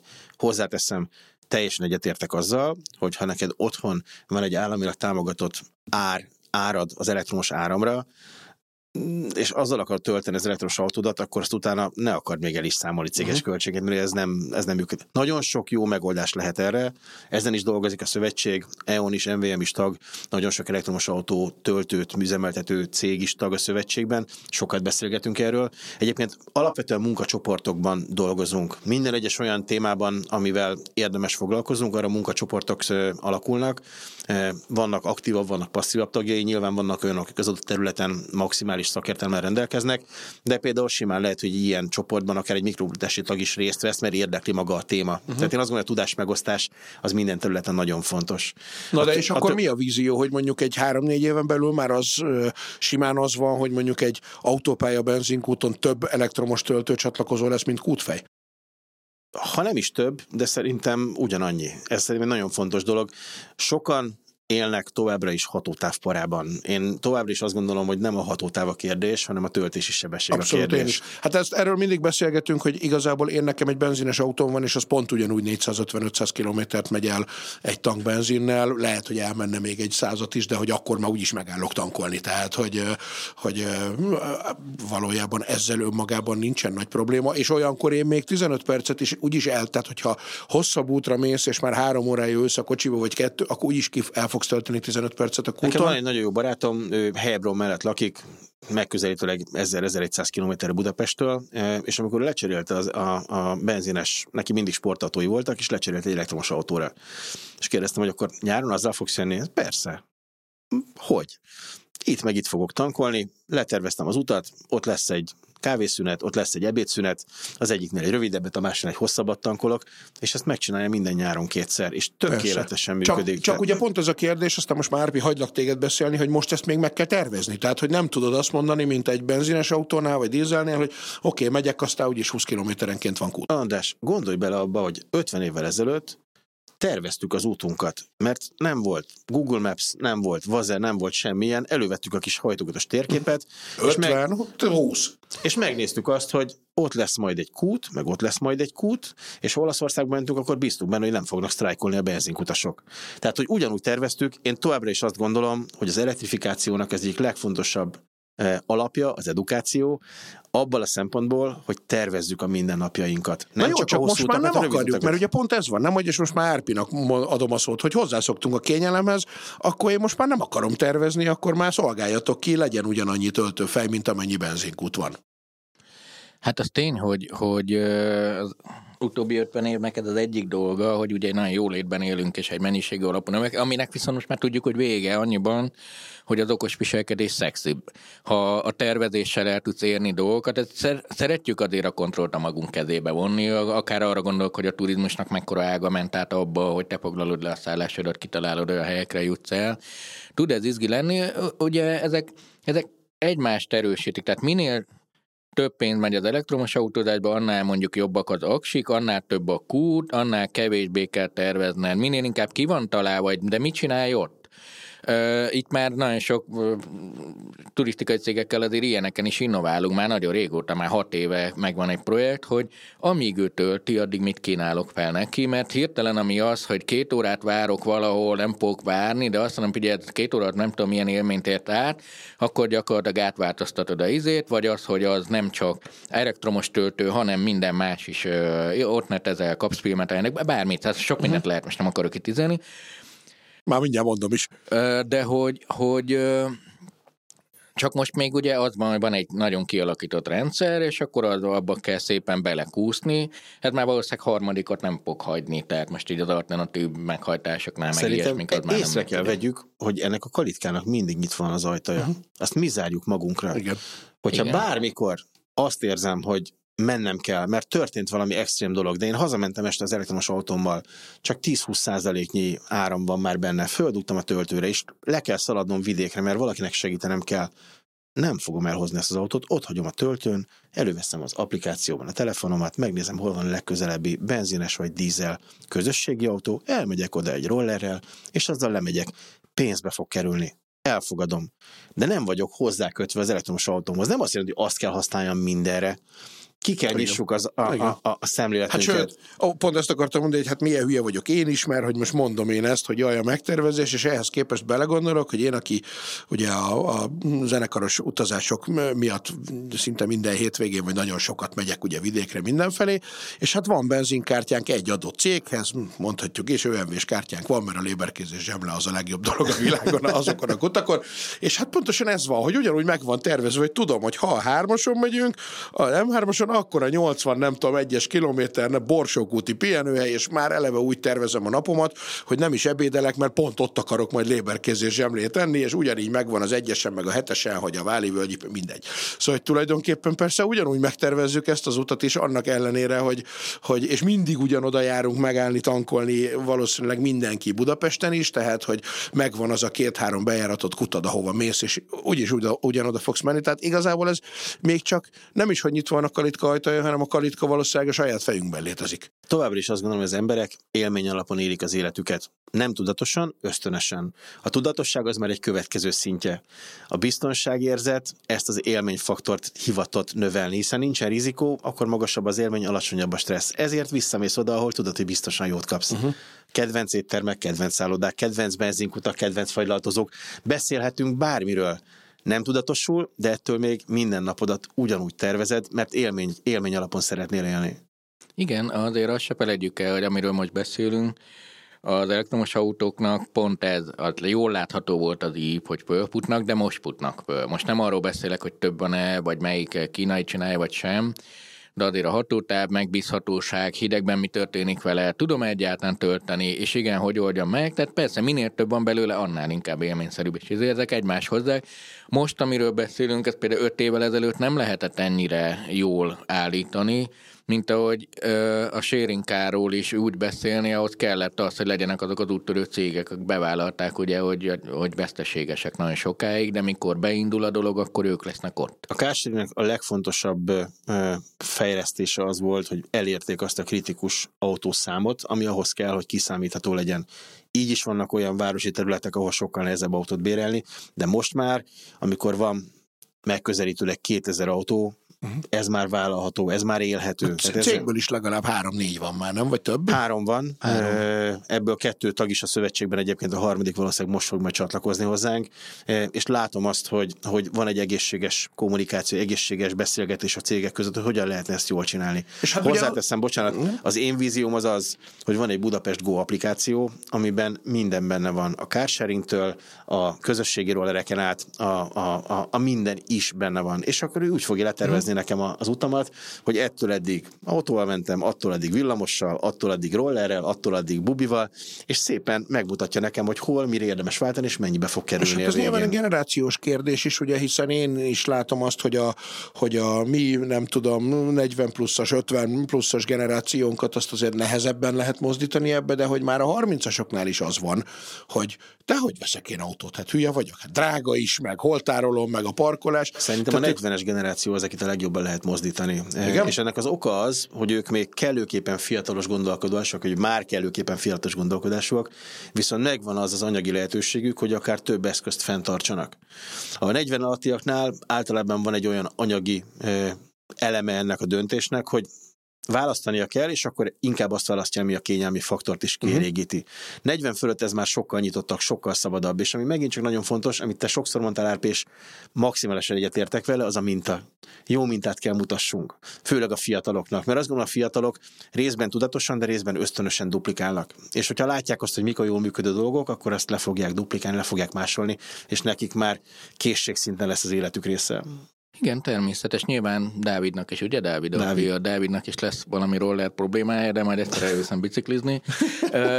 De nyilván az is számít, a, a, a antiminta is pedig, tehát tudod, amíg az van, hogy, hogy amikor látod, hogy, hogy autóval másfél óra alatt érsz oda villamossal, meg fél óra alatt, akkor, akkor tehát mindenki meghozza ezeket a döntéseket, tud választani, nyilván mondjuk fiatalon jobban tud választani, még a korosztályival is egyetértek, bár itt ez inkább ilyen kicsit ilyen, ilyen élettervezési vagy, vagy nyitottsági dolog is. Tehát nem, nem föltétlenül csak anyagi helyzet, lehet, hogy valaki korábban van pénze, hanem inkább az, hogy, hogy, hogy gondolkodsz ezen, hogy erről beszélünk folyamatosan, hogy, hogy milyen egy jó stratégia, mit képzelsz, mit old meg. Minden technológiánál szerintem a megoldó értéket kell nézni, és nem most, de, de, de, hogy de előbb besejtített, hogy lesz repülőautóra, nagyon könnyű válaszolni, hogy nem. Amúgy van ilyen technológia, van repülőautó, de elfogadhatod, nem, mert nincs megoldó értéke. Ö, úgy tűnik, mintha lenne, de nincs, mert elsőre úgy tűnik, hogy de jó, föltolok mindenkit az égbe. De amúgy is van egy közlekedési káosz, amúgy ez háromdimenziósan nem oké, de nem is ez a baj vele, hanem ugye azt a problematikát nem oldja meg, hogy oda akar eljutni ahova. Tehát leszállnia ugyanúgy le kell. Vagy ha nem oda leszáll, mert azt nem tudom megoldani, mert fák vannak, nehogy Isten más emberek, stb., akkor építek ugye tornyokat. De a tornyoknál ugyanaz a dugó létrejön, meg az emberek nem 503 km ott akarnak leszállni, tehát nem oldja meg, de az például megoldja, hogy a rendőrségnek, mentőknek van repülőautója, akkor sokkal gyorsabban átugranak. Ez tipikus fejlesztési Lesz? stratégia. E, persze, így már érdemes, mert van profi sofőröd, és nagyon nagy megoldat. Vagy fejlődő országban megoldod azt, hogy még nincs úthálózatod, át tudsz ugrani békaugrással egy dolgot, nem kell kiépíteni a nem is tudom most hány millió kilométer úthálózat van, de mindjárt eszembe jut a Földön, de nem kell még ennyit építeni hozzá, hanem, de ha ezt már megfogalmaztad, akkor már úgy fejlesztesz, hogy robusztusabb, egyszerűbb ö, alkatrészeket fejlődő országban, meg rendőröknek, mentőknek. Mit old meg az elektromos autó?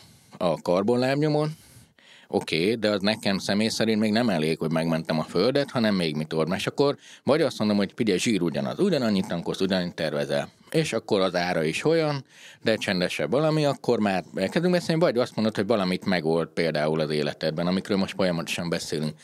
De előbb le kell tenni ezt a, a, a uh-huh. minden technológiánál és a rollernél, a szabályozásnál. Én arra leszek nagyon kíváncsi, hogy követem itt a szabályozási eseményeket, a szabályozás szólni, hogy meghatározzák, hogy szerintük a, roller mit old meg.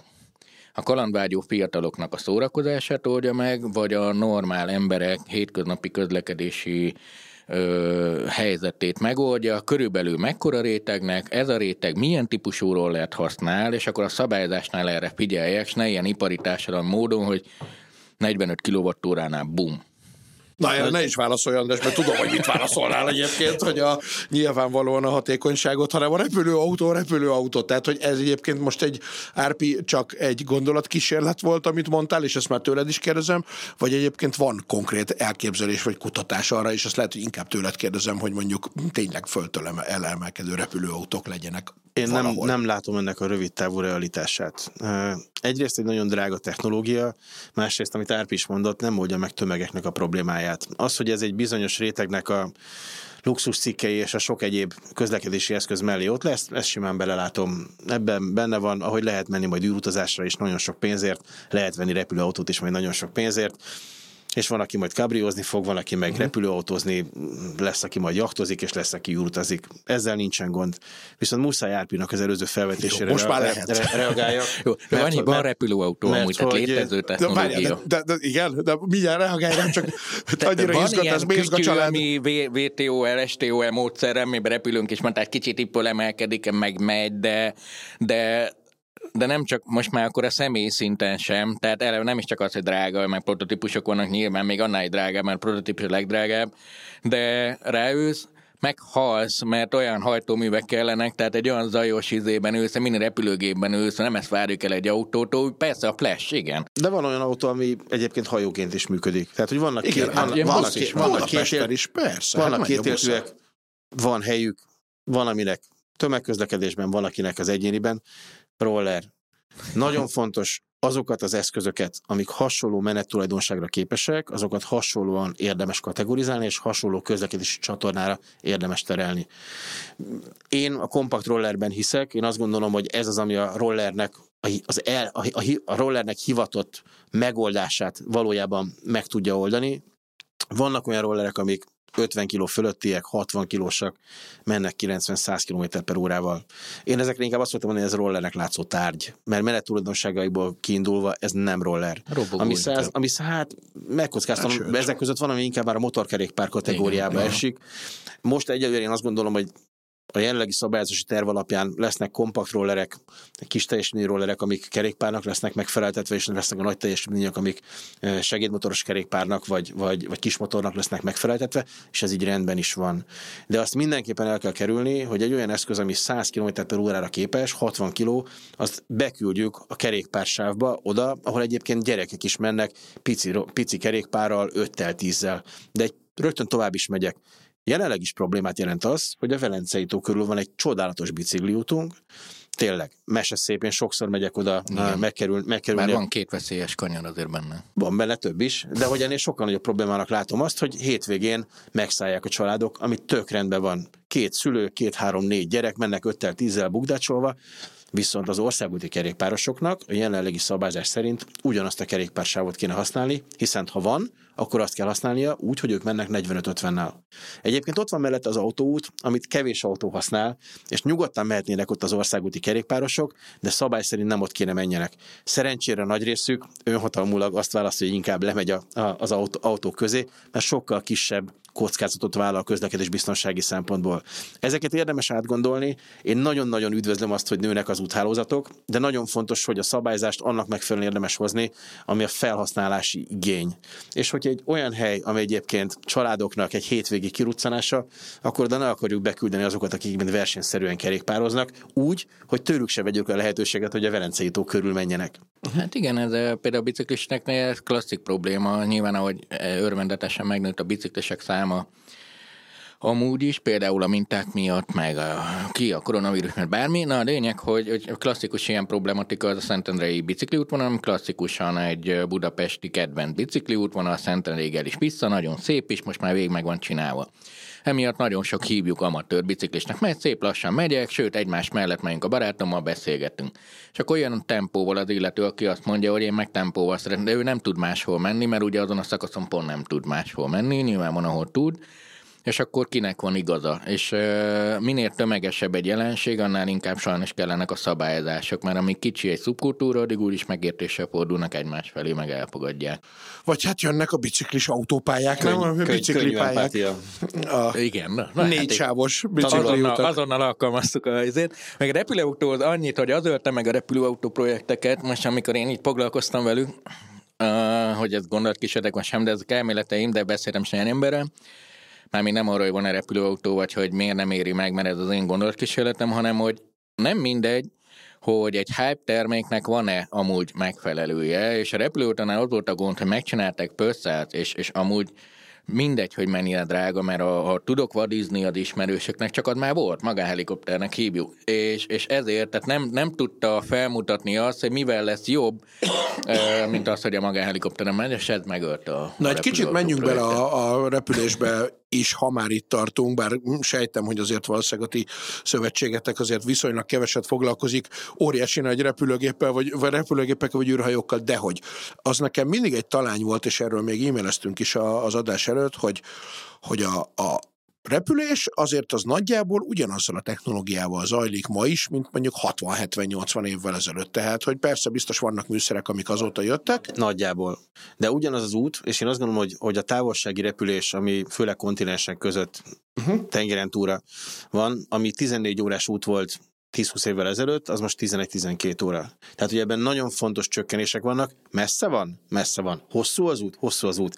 De mégis azért valamennyire rövidül, ez nem fog lecsökkenti két órára. Na ezt akartam kérdezni, hogy nekem egy barátom, aki egyébként vadászpilóta volt, és pont találkoztatok ti is a igen, Pócs igen, a élő igen. előadáson, aminek egyébként, ha mindig az lesz Üdvözlöm. felvétele, és lesz belőle adás, és hogy drága PZ barátunk azt mondta, hogy, hogy azért ő hallott már olyat, hogy most azért kísérleteznek ezzel az űrugrással, mert hogy azzal viszont tényleg, ha nem is két órára, de hogy nagyon le lehetne rövidíteni egy transzkontinentális repülőt. Ez erről tudtak bármit, vagy ez... Nekünk, Szerintem ez nagyon futurisztikus, és megint csak, és Árpival kell egyetértsek, ha nem tögi, tömegigényeket szolgál ki, akkor gyakorlatilag nem látom azt a azt a penetrációt, hogy ez, uh-huh. hogy ez nagyon széles körben el tudjon terjedni. Azt látom, ahogy ugye most fejlesztés van, kvázi egy modernizált Concordra, eh, ami egy London-New Yorkot meg tud tenni négy óra alatt. Uh-huh. Erre szerintem lesz igény.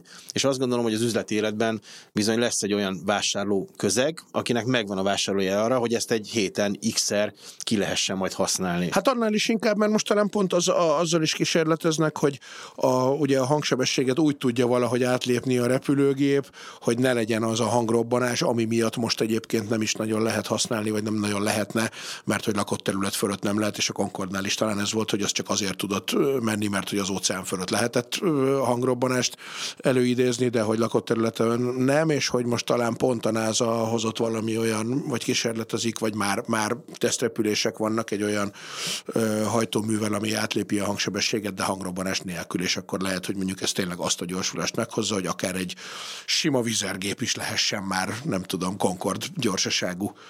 Remény. Ez így van. Én, én azt gondolom, hogy sokszor el szokták felejteni azt, hogy bizonyos fejlesztési költségek azok nem feltétlenül azért kell, hogy elköltésre kerüljenek, eh, hogy növelni lehessen egy bevételt. Nagyon sok ilyen az a hatékonyság növeléséről szól, hogy kvázi ugyanazzal az árbevétel mellett magasabb eredményeket tudjon hozni egy gazdasági vállalkozás. Én hiszek abban, hogy ezek a fejlesztések is hasonlóan mennek. Mondok egy példát, hogyha lehet csökkenteni a működési költségeket, akkor meg lehet oldani azt, hogy például sokkal nagyobb legyen a lábtér akár a, a, a, a, az economic classon is. Innentől kezdve sokkal szívesebben fognak fölmenni azok, aki most mondjuk nem repül azért, mert nem akar egész végig így, uh-huh. így üldögélni. Tehát van egy csomó olyan plusz lehetőség, ami szerintem működőképes légitársaság, és akkor maradjunk ennél, ma már be, tehát így van ez a prémium economy, ami régen nem volt. Volt az első osztály, meg volt az economy, azt csokkolom. Most már van economy, prémium economy, business, első osztály. Szét tudták húzni, mindenkinek megtalálják a megfelelő árszintjét, és mindenhol beleteszik azt a plusz szolgáltatást, amire egyébként fizet. Úgyhogy én azt gondolom, hogy, hogy jó az irány, nincs ezzel baj, időtérugrás szerintem nem holnap után fog elérkezni, eh, ahogy a teleportálás, azt meghagyjuk a Star, Star Treknek, uh-huh. de, hogy, de hogy jó, jó az irány, és az, hogy fejlődés van, ez szerintem elvitathatatlan a környezetszennyezés szempontjából, mert hogy ez a másik dolog, amivel a repülést ugye nagyon kritizálják, és valószínűleg joggal is. Elektromos repülő az nem, az nem, nem opció. Melyik ötökre nézzek? Hát itt a, ne, hát ilyen távokról, amikről beszélünk, nem, de mert hogy akkor ö, olyan rohadt nagy lenne, hogy csak egy ember férne bele. Tehát, hogy ö, egyrészt abban igazad van, hogy a repülés nem sokat nem változott, de igen, tehát ez ugyanaz, mint a, ez a tipikus űrhajó rakéta probléma, hogy ahhoz, hogy föl tudjak menni, olyan magas, ahhoz annyi üzemanyag kell, de viszont annyi üzemanyag annyi a súlya, tehát még több üzemanyag kell, és ezeket optimalizálni. A repülés maga sokat fejlődött pont ezekben. A, a, a kényelmi szintek, nyilván az üzleti modell, az, hogy magasabban tudsz repülni, ahhoz másra kell az ablakokat megcsinálni, a fűtést. Ugye ott rengeteg háttér dolog szolgál arra, hogy ott kín marha hideg van, de bent ugyan hűvös legyen, de ne legyen túl meleg, mert tehát, hogy sokat fejlődött, nyilván elektronikában, meg izében, Ö, és, és lehet támadni a repülést ezért, ami teljesen jogos, csak erre amúgy vannak megoldásaink, csak nem feltétlenül az iparágban. Tehát, hogyha arra gondolok, hogy a repülés fele olyan üzleti megbeszélések, amiket meg lehetne online is csinálni, ö, vagy azt mondom, hogy, hogy Tehát, hogy sok mindent le lehet vágni más megoldásokkal, és amit az adatiparágon kérünk számon, de nyilván megszerettük, és ez a jó dolog a repülés, meg el tudsz jutni oda, ahova megnőttek az igényeink, összezsugorodott a világ. Ha belegondolunk, valamilyen módon sokak számára, vagy szinte mindenki számára elérhető lett a repülés, és most meg akkor mindenki azt mondja, hogy Pidió, most te vagy a bűnös, ha repülsz, és ez nem kóser, főleg, ha nem raktunk te alternatívát, hogy jó, akkor legyen a vonat, lesz majd szupervonat Európán keresztül, meg Brunóba elvisz egy órán belül, tehát már tudok egyből sörözni, de végül is nem indul el, mert ez megint egy új útvonal kifejlesztése, ami sok. Tehát én a, a meglévőnek az optimalizálásában, a hatékonyabban kezelésében sokkal jobban hiszek, mint a... Tehát az elektromos repülés Szerintem nem új út, de az például, hogy hogy lehet rávenni az embereket, hogy, hogy okosan repének, vagy kevesebbet, hogy valóban ez, ez, ez, ez, ezt meg kell találni azt, hogy hogy lesz érdekük belőle. Uh-huh. És kinyitottad a vonatajtót, amit viszont akkor Andráshoz passzolok, hogy eh, szupervasutak, mert, mert az meg egy tök menő dolog. Én TGV-re ültem életemben egyszer-kétszer, és az, és már az is, tehát, hogy, hogy én nagyon érzem a vonatot meg kell mondjam, az elmúlt két évben, hogyha messzire kellett mennem Magyarországon belül, Debrecen, Nyíregyháza, Szeged, én mindig vonattal mentem. Erről ezek a vonatállomásig, fölülök a vonatra, két-két és fél órán keresztül dolgozom, lemegyek, konferencia, megbeszélés, bármi egyéb, visszafele még lehet, hogy dolgozom egy kicsit, de az is lehet, hogy simán csak alszom egy-két órát. Debrecenbe le tudtam menni 3200 forintért első osztályon, úgy, hogy wifi volt a vonaton, 230-as csatlakozó, USB csatlakozó, és úgy értem haza este hétkor, hogy fittipaldi voltam. Ha én azt a napot autóval oldom meg, akkor hazaesek, és megmondom a családnak, hogy hagyjanak békén, mert hogy én bedöltem az ágyba, és pont. Így viszont semmi nem volt, nem maradt olvasatlan e-mailem, hatékony voltam, és friss maradtam. Szerintem ez nagyon-nagyon fontos része. És már jók a magyar vonatok is, mert hát azért a mávról, én bevallom, én, én nagyon-nagyon régen ültem vonaton, annak ellenére, hogy viszont gyerekkoromban úttörő vasutas voltam, és imádtam, de tényleg nagyon imádtam, de hogy, de hogy hát a mávról mindig csak a horror sztorikat hallod. Nekem, po- ne, ne, nekem pozitív tapasztalatom van, főleg, bár azt is el kell mondanom, hogy tavaly tavasz végén, nyár elején eh, szintén vidékre kellett mennem, család már rend volt, nekem aznap még volt dolgom, és másnap reggel tudtam csak utánuk menni, vonattal mentem el, hogy minek menjünk több autóval, eh, és késett egy órát a vonat, eh, és mi időpontra mentünk egy olyan, egy olyan helyre, amit három évvel előtte foglaltunk le. Uh-huh. Abból volt egy kis családi perpatvar, hogy miért kell nekem vonatozni. De én hittem abban, hogy oda fogunk érni, nem értünk oda, tanultam belőle, én azt gondolom, hogy igenis rá kell számolni valamennyit jelenleg sajnos, és mellé kell tegyem, hogy egy jól működő vonathálózat, ami egyébként elképesztő mennyiségű fejlesztési forrást igényel, hogy ez, hogy ez napra kész legyen, szerintem nagyon-nagyon jól működött lenni. Eleve a kötött pályás járműveknek a pontossága, az szerintem utolérhetetlen, ha azok jól működnek, és minden, tehát most Abszolút. Tekintsünk el a MÁV-tól és Magyarországtól. körülményekről de... beszéljünk. Igen. Egyébként ez nem magyar probléma. Eh, nagyon sok német barátom van, akik Magyarországra elég sűrű járnak, eh, és ők mindig elmondják, hogy Németországban a díbán, aminek egyébként nagyon magas egyébként a marketing kommunikációs költségvetése, de alapvetően rosszabb a, a pontossága, mint a magyarországi államhatóságnak. Pedig hát azok az ICE vonatok, amiket, tehát ugye ez, ez nekem egy klasszikus élmény, hogy döcögünk a nem tudom kis busszal, még annak idején, mikor sokat jártunk arra felé koncertezni a 120-130 az autópályán, és mellettünk a nem tudom Frankfurt Köln Ice Express az így, jung, így, így elhúz szépen. Nyilván ott is vannak olyan, olyan útszakaszok, amik modernebbek, olyan vonatok, amik modernebbek, ahol Magyarországon is vannak modernebb útszakaszok. Tök jó lenne, hogyha ha ennek a fejlesztését Európa szerte egy kicsit fel fel, felpörgetnék. Nagyon sok repülős utat ki lehetne váltani, azt gondolom.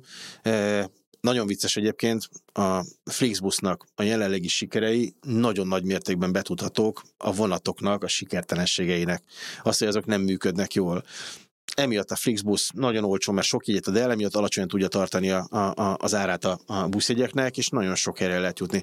Én nagyon hiszek a vonatban, főleg abban, hogyha egy ilyen 8-12 óra közötti út, vagy annál hosszabbra megyek el, én imádom a hálókocsit. Tehát az, hogy felszállok este, dolgozom még egy-két órát a vonaton, utána lehajtom az ágyat, alszom egy tök jót, ne adj Isten, még reggelizem is egyet a vonaton. Megérkeztem, megsporoltam egy szállást, ott van az adott napom végig, mert hogy viszonylag korán megérkeztem, és lehet, hogy a másnapi szállás is megsoroltam, mert hazafele megoldom ugyanazt. És hát ugye arról is szoktunk mindig beszélni, hogy a, illetve azt talán nem annyira az adásban, mint inkább privát, hogy, hogy például mondjuk egy 6-700 kilométeres útra már vonattal valószínűleg gyorsabban odaérsz, mint repülővel, hogyha azt veszed, hogy neked otthonról mikor kell kilépned, kimenni a reptérre, ha kocsival mentél, azt lerakni valahogy, két órát ott várakozni, becsekkolni, blablabla, bla, bla, és akkor a repülőtér, ahova megérkezel, az még mindig egy órányira lesz az úti célottól. Majdnem minden nyáron megyek Stuttgartba egy, egy, egy fix eseményre.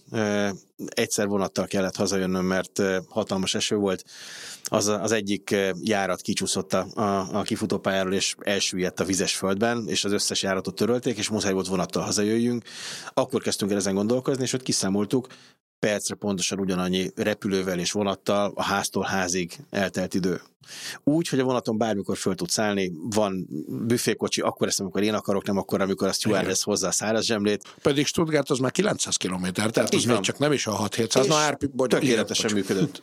Igen, működik. A vonatban szerintem most is hisz mindenki, de pont egyes iparák sikere fölviszi a izét, tehát ugye a repülésnek akkor is volt egy sikere, és azzal, megjelentek a fapadosok, meg a diszkont repülés, tehát ez a tömegessé válás, most az európai kontinensről beszélve, mert az Amerikában hamarabb lezajlik, az azért kicsit elvette a, fejleszt, a nagy fejlesztésektől, és ez most országunként különbözik Magyarországon, hogy nekünk az egyik problémák a küllős szerkezet. Tehát így átjutni nem nagyon tudok, oda fölmenni tudok, tehát budapesti küllős szerkezet, de, de valahol át akarok menni, akkor nem tudom, tehát Ócsáró Monora akarok menni, akkor föl kell mennem Pestre, és lejönöm a másik vonalom. Sőt, ha Szegedről Pécsre még lehet, hogy akkor is nem pedig, e, hogy... Igen, de nem is lehet persze az teljesen beálló, de ez, ennek okai vannak történeti, bármi, de, de hogy, hogy el voltak a, a nagy fejlesztések hanyagolva, most, most teljesen Európa irány, meg most több céggel dolgozunk is Európában, csak, csak ez egy robusztus fejlesztés, ami lassan érik be, de pont egyébként a kényelem és az élmény, ez az egyik, amit, amit nagyon hozzá, és erre nagyon vevők az emberek, tehát az, hogy én közben tudok csinálni azt, amit. Az önvezető autók piacát is az mozgatja végre egy embert, ott tudok egy dobozba tartani, és egy óráig csak az reklámomat nézi, tehát hogy, hogy az, hogy a jó vonatok, ezek legyenek, csak, csak hát ez országonként változó, hogy kinek mi a hálózati problémája, de nem is ez a legnagyobb gond, hanem az, amit te a rollerrel oldasz meg, tehát ez a rávivési időszak. Az utolsó három kilométer a gond. Tehát hogy kerülök a vasútállomásra, hogy kerülök izé tömegesen mozgatni őket, mert az nem lehet, hogy mindenhol vasúti sín legyen, és oda hogy juttatom el az illetőt, és ez mindig ez a jármű kombináció, de erre még nincsenek rá szocializálva. Azért a vonatállomások szempontjából szerintem egy hatalmas nagy előny, hogy ez majdnem minden országban a központi vonatállomások, pályaudvarok, azok metró közelben vannak. Nagyvárosokban, igen, csak de, itt, és bocsánat, egy nagyon jó példát akartam mondani, Bécs szerintem ebből a szempontból csillagos ötös, ugye náluk van ez a CAT, ez a Center Airport Train, ami 16 perc alatt van Bécs belvárosából, Sveháton, a reptéren és az Austrian Airlines járataira úgy tudsz beszállni, hogy a vonatállomáson becsekolod a bőröndöket. Tehát, hogy a vonatra már csak a kis kézi podgyászoddal oh. mész föl. Zseniális, 16 perc azóta kis túlzással, hogy üresen panganak a, a, a parkolók, mert hogy mert hogy senki nem akar autóval kimenni. Aha, teljesen De lehet, hogy itt is azt oldották meg, tehát az, attól okos egy ilyen fejlesztés. Az, hogy vonattal viszed ki, ez oké, és nálunk is volt egy ilyen ötlet, aztán rárakták a, a helyi járatra, de mindegy is, hanem az, hogy logisztikai problémáim vannak. Itt az az okos, hogy már a csomagom elindul, és ott, tehát bekerülök abba a flóba, abba a folyamatba, hogy a csomagommal nem kell foglalkozni. Ha az van, hogy ez egy újabb közlekedési eszköz, ahol húzigálom, ahol idegeskerek, és még oda bemegyek, minél jobban kitolom azt a flow élményt, például a repülésnél azt, hogy a csomaggal nem kell foglalkozom, gondolj bele abba, hogy kijön értem egy sérinkár vagy önvezető taxi, beteszem a csomagtartóba a csomagomat, és van egy ilyen társadalom bizalma, hogy én az már nem is nyúlok, hanem majd Stuttgartban leszedem a vonatról, odaadják a kezembe, ez végül is csak tervezés kérdése, viszont egy akkora extra élményt ad, hogy nekem ezt nem kell többet emelnem. Visszatérünk oda, amiről egy órával ezelőtt beszélgettünk. A megoldások, azok mindig felmerülő problémákra érkeznek. Uh-huh. És hát Árpi, mint hogyha a skriptet olvasná egyébként, ami nincsen, mert hogy nyilvánvalóan bár már... Csináljunk. tehát, hogy nyilvánvalóan nem mehetünk el úgy a jövő közlekedése mellett, hogy az önvezető autók kérdését ne nyissuk így ki a végére.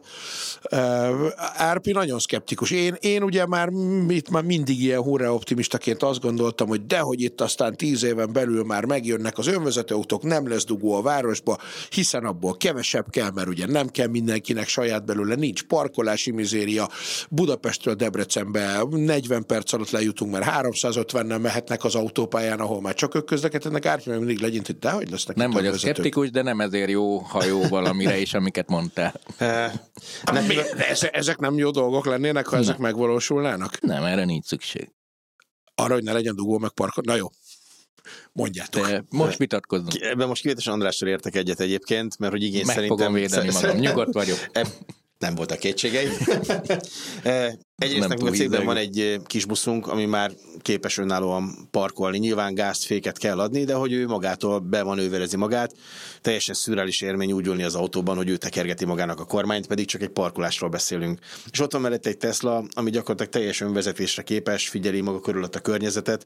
Én ezt először Amerikában láttam, én szívbajt kaptam, amikor mentünk a külső sávban, és elment mellettem egy Tesla, és láttam, hogy éppen könyvet olvas a, a, a, a sofőr. Tehát, hogy így nagyon fura. Én azt gondolom, hogy egy kicsit futurisztikusan, de elér, érdemes lenne elmenni abba az irányba, hogy legyen egy olyan önálló sáv, ahova csak önvezető autók mehetnek be. Tehát, hogy ne kombináljuk az önvezető autókat az ember által vezetett autókkal, mert akkor azt lehet úgy szabályozni, hogy kvázi összehangoljuk a gépeket, és ők azt be fogják tartani. A probléma, és egyébként a közlekedési balesetek nagy része az abból ered, hogy valaki figyelmetlen volt, nem tartotta be a szabályt. Csomó olyan probléma, amit egy gép nem fog elkövetni. Még azt sem mondom, hogy tiltsuk ki onnan a ember által vezetett autókat, de legyen az a követelmény, hogyha ott ember által vezetett autó bejön, és bármilyen baleset van, akkor feltételezzük, hogy abban ő volt a hibás. Hát igen, csak ugye ezzel meg az a baj, hogy mondjuk a, itt a kis utcákban is, tehát itt nincs több sáv, tehát hogy ezt meg tudod csinálni mondjuk egy Budapest méretű városban, talán a Hungária körúton, de azon belül máshol. Értem, és... de András, szerintem neked pro- ne- nem jelentene problémát az, hogy te kivezeted innen az autót mondjuk az alléig, és az allénál pedig bekapcsolod az autó, autopilotot, és akkor nem megyek messzire, nézd, Ja, meg, hogy... nézd meg a repülőt. Uh-huh. Pilóta felszáll, elért a repülési magasságot, bekapcsol az, aut- a, a, az automata Aha. Módot, és legközelebb akkor veszi vissza, amikor le kell szállni Szóval, hogy ezt nem úgy képzeljem el, hogy abban már nincs is kormány, hanem csak egy doboz, hanem hogy akkor ez egy, ez egy olyan dolog, mint a, mert egyébként valóban a mostani autók és az autópályán már a sávtartó automatikával, meg az intelligens tempomattal már többé-kevésbé tudják azt, hogy ott, ott, ott már akár olvashatna is könyvet, de 10 másodpercenként figyelmeztet, hogyha nem fogod meg a kormányt, akkor Ez, eldobja. ez pont olyan, mint egy önvezető metró. Zárt pálya, állomástól állomásig megy, ott igazából nincs szükség arra, hogy valaki nyomogassa a gombot. Na és akkor lesz, vagy nem lesz? Mert Árpi azt mondja, hogy szerintem nem lesz. Nem, nem azt mondom, hogy nem, nem, nem. Vagy, vagy látom, nem olyan gyorsan, csak meg nem úgy. Nem, az, hogy mit old meg. Most, ha, amiről itt beszélünk, ugye, ha az a cél, hogy 350-nel mehessek, vagy az a cél, Én hogy azt bírnám. tökéletesen biztonsággal vezessek, vagy ilyesmi, van ilyen cél, ausztrál kamionok önvezető módon most is mennek, mint a szél. De az az, az élőlény, ami az utukba kerül, annak auszmausz, tehát egy olyan tempó van, hogy csak na. De, De ez tényleg van? Ja, mert hogy ott a rengeteg ezek- sivatagon ezek át. Ezek úgy mennek, mint a szél. És, és hogy Teljesen robotikus, egymás után megy öt, és el vannak, mint a befőt. És Tehát, van bennük megy- ember, vagy? Van, persze, be kell felelősség miatt tenni, meg amúgy is azért ott is megvan, melyik szakaszon. Nyilván a hibrid megoldás az tök oké, okay. az, hogy növeljük a biztonságot, tök oké. Okay. Az, hogy, hogy, hogy izgalmat, hogy, hogy extra szolgáltatásokat szereljük fel, például van, aki nem szeret parkolni, vagy nem tud, de minden más szeret, akkor azt oldja meg. Ezek is okék. Azt is oké, amit szeretek, hogy egy idősebb ö, ember is el tudjon menni. Tehát az én önvezető autóvízióm az az, hogy, hogy van nekem egy csomó idős emberem, vagy bizonytalanul vezető, de azt akarom, hogy elmenjen a falu szélén álló nagyáruházba, hogy oldja meg, minden faluban van három önvezető autó carsharing, és akkor ő bármikor megnyomja az applikációt, beül az autójába, elviszi a nagyáruházba, hazaviszi. Ez nekem egy olyan vízió, amit imádok, és ilyen önvezető autót akarok, csak nagyon nem mindegy, akkor ezt úgy kell, akkor teljesen más ügyekkel kell foglalkoznom, nem azzal, hogy a világ összes problémáját megoldatom bele, hogy Olaszországba is tudjon menni, de napfényben is tudjon menni, esőben is tudjon menni, hanem azt kell megoldani, hogy 20 négyzetkilométeren belül 20 km per óra biztonságosan eljusson. Most az önvezető autó fejlesztése, ugye 5 szint van, most tartunk kb. a hármasnál, az öt a teljesen önvezető, már kormány sincs benne, a többiek a kb. az intelligencia és az automatika szintjei. De most azt próbáljuk megoldani, hogy ugyanolyan autót akarunk létrehozni, ami emberi képességekkel bír. Mert egy olyan helyzettel számolunk, hogy van embervezett autó és gép által vezetett autó, és ugye ez a legveszélyesebb, hogy a két különböző stílus találkozik, és ezért nem tudta meg, amit az előbb utaltál. Ha én azt akarnám megoldani, hogy biztonságosan, nagyon gyorsan menjen, akkor egyszerűen csak be kell állítanom a sebességautomatikát, vagy létre kell hoznom egy olyan úttestet, ahol egész konkrétan kommunikációs eszközök vannak, kilométerenként szenzorok, kamerák, az az autó bármilyen sebességgel fog menni, uh-huh. és nem kell Ezt hozzá mesterséges intelligencia, meg, de ahhoz nem kell önvezető autód legyen, az egy automatika. Nyíl egyenesen menjél, nem fog semmi az utatba kerülni, és izé, de nem ezt akar, azt akarjuk, a világ összes helyzetére reagáló önvezető autóm legyen. De ilyet senki nem akar. Hát, Szerintem nem. de A az ez, amihez de olyan ez- de ez egy technológiai marketing. izé kell, ami nem Nem lesz. ez lesz a valós. És nekem nagyon tetszik az, a, a, amit mondtál az idősekről példa. Szerintem nem az a cél, hogy mindenkit a saját otthonába elhozzunk. A cél az, hogy ezeket az időseket behozzuk egy olyan idősek otthonába, ahol minden szolgáltatás nekik elérhető. Orvosi, szociális, sat, sat, sat, hiszen senki nem szeret egyedül lenni. Egy ilyen idősek otthonában nem lesznek egyedül. Innentől kezdve már semmi más nem kell megtenni, csak az idősek otthonától a nagyáruházig kiépíteni, kiépíteni azt az utat, ahova az önvezető autó el tud menni. Igen. Igen, ha azt oldanánk meg, is van hogy ilyen fejlesztés. 128 helyen kell fölvenni az időseket, azt nem fogjuk tudni megoldani, mert egyéni problémára nem fog tudni tömeges Hát megoldást ugyanarról hozni. beszéltek akkor. Így van, Igen, tehát, hogy nekem tetszik, mondom, amit, hogy- amit az Árpi mond, csak ezt, én azt gondolom, hogy ezt, ezt egy picit messzebbről kell nézni, helikopterviewból azt mondani, hogy oldjuk meg minden problémáját az időseknek, ne csak ezt, és abban sokkal könnyebb lesz az egyet is beilleszteni. Hát ez a, igen, ez egyetért, most csak az, hogy nem az önvezető autóval van majd félre ne érts. És tök jó, imádom a technológiát, meg, meg ugye egyáltalán. Ö, és ugye itt van egy olyan kombó, hogy azért nekünk, tehát a társadalmi percepcióban, ugye van az első társadalmi percepció, ahogy a mesterséges intelligenciánál a ChatGPT volt a társadalomnál, pedig az csak egy kis szelete, itt az volt, hogy az önvezető és az elektromos autó egyszerre jelenkezett, és akkor így egy kicsit így összemosódtak a dolgok. Maga az, hogy, hogy növeljük az intelligenciát, az tök jó dolog. A, ami kiderül, hogy, hogy, hogy mit, mikor akarod elengedni, és mikor nem. Ma a magyar társadalomnak kb. 30-35 százaléka szeretne önvezető autót, mondja magáról, és nyilván az az élmény, hogy van egy ilyen, hogy könyvbe könyvet olvasok, és stressz hozok, ez egy vagánság. Az tök jó, ha megmenti az ötem, az tök jó, viszont a kontrollt meg nem szeretjük teljesen átadni, nem mindegy, hogy miért vezetek. Azt nem tudod kizárni, hogy egy vezetés, te is, amikor mész egy koncertre, igenis benne van az a flash, hogy most az hozzátartozik az utazási élmény, hogy vezetgetsz, közben morfondírozol.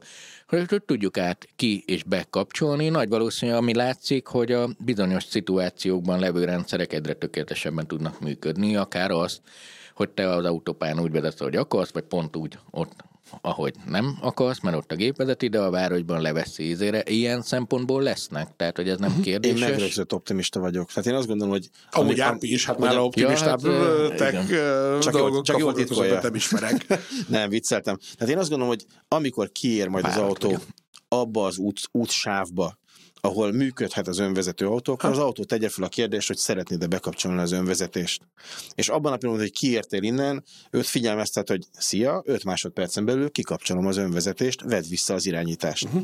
Ahogy egyébként Igen, már a külön most... sávokban nem hiszek én se, de azt például, hogy ezt időkapcsolóval vagy figyelmeztetésekkel menedzseled, én, azt igen. én a különsávokban pont azért hiszek, mert hogy ugye nyilván az van, hogy én szeretek vezetni, és hogy az én számomra az a haszon, amit mondjuk egy önvezető autó tudna, az pontosan az, hogy sokkal biztonságosabban tudna gyorsabban menni, mint ahogy én tudok, mert hogy, mert hogy nyilván pontosan erről van szó, hogyha egy autó, és ez a városon kívüli használat elsősorban, hogy egy autópályán, hogyha ők összekapaszkodnak, és ahogy mondjátok, ott már nincs más, csak ők, legalább az adott sávban, akkor tényleg mehet 350-nel is, mert hogy valójában senki nem fog mm, ö, oda jönni elé. Ö, ezt én nyilván akkor sem tudnám megcsinálni emberként, hogyha menne 350-rel a kocsim, mert nem tudsz két órán keresztül 350-nel menni és odafigyelni.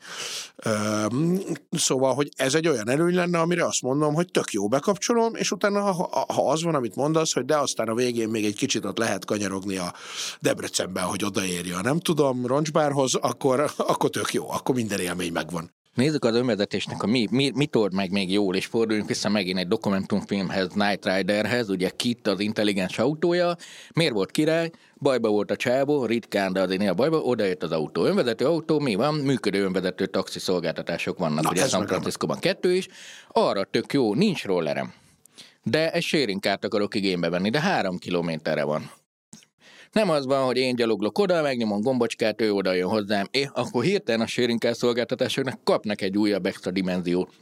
hazarendelem. Ö, ottól ülök, nem akarok saját autót tartani, de, de nem már, hogy én most itt az esőbe gyaloglok valameddig, hogy beszállhassak az autóba. Na, ez egy olyan önvezető funkció, amihez viszont mindent meg kell oldani, hogy a porgamba oda jöjjön hozzá. Hát, de az kértsük. Amiről most te beszélsz, Ezen dolgoznak. az egy önvezető taxi. Nem, Igen. nem carsharing.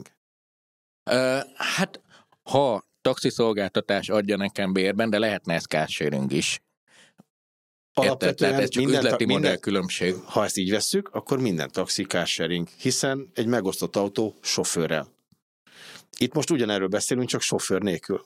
Hát igen, de onnan A- már ugye az értelme... Igen, a sofőrt megfizeted-e vagy sem. Így van, pontosan. Tehát, hogy nem is, nem is nagyon le, lesz onnan már különbség a kettő között, ha belegondolok, nem? És hogy igen, mert ez is, ahogy mondod, hogy, hogy a klasszikusan, de akár az is, hogy hazaküldöd, mert ugye nekem Igen. például ugye mindig, én mindig azzal indoklom, hogy nekem egyébként azért van autóm, mert a városban az esetek többségében nem nagyon lenne rá szükségem, de hát ott a telek, ami 40 km tömegközlekedés gyakorlatilag nincs a Szentendrei szigetre, vagy nagyon-nagyon macerás lenne, és milyen jó lenne, ha lenne olyan önvezető, amivel oda lehet menni csomagostól, gyerekestől, mindenestől, aztán hazaküldöd, és ott helyben már egyébként szintén nem kell, mert ott már lehet bringázni, vagy bármit csinálni. Na erre való. Egyébként nagyon érdekes, van, vannak olyan koncepciók, ahol azt mondják, hogy bizonyos uh, autóflottákat, céges autóflottákat hétvégére magánszektorban lehet hasznosítani, hiszen azokat a céges autókat csak hétfőtől péntekig használják, nincs engedély, nem engedélyezik a magánhasználatot, pénteken le kell tenni,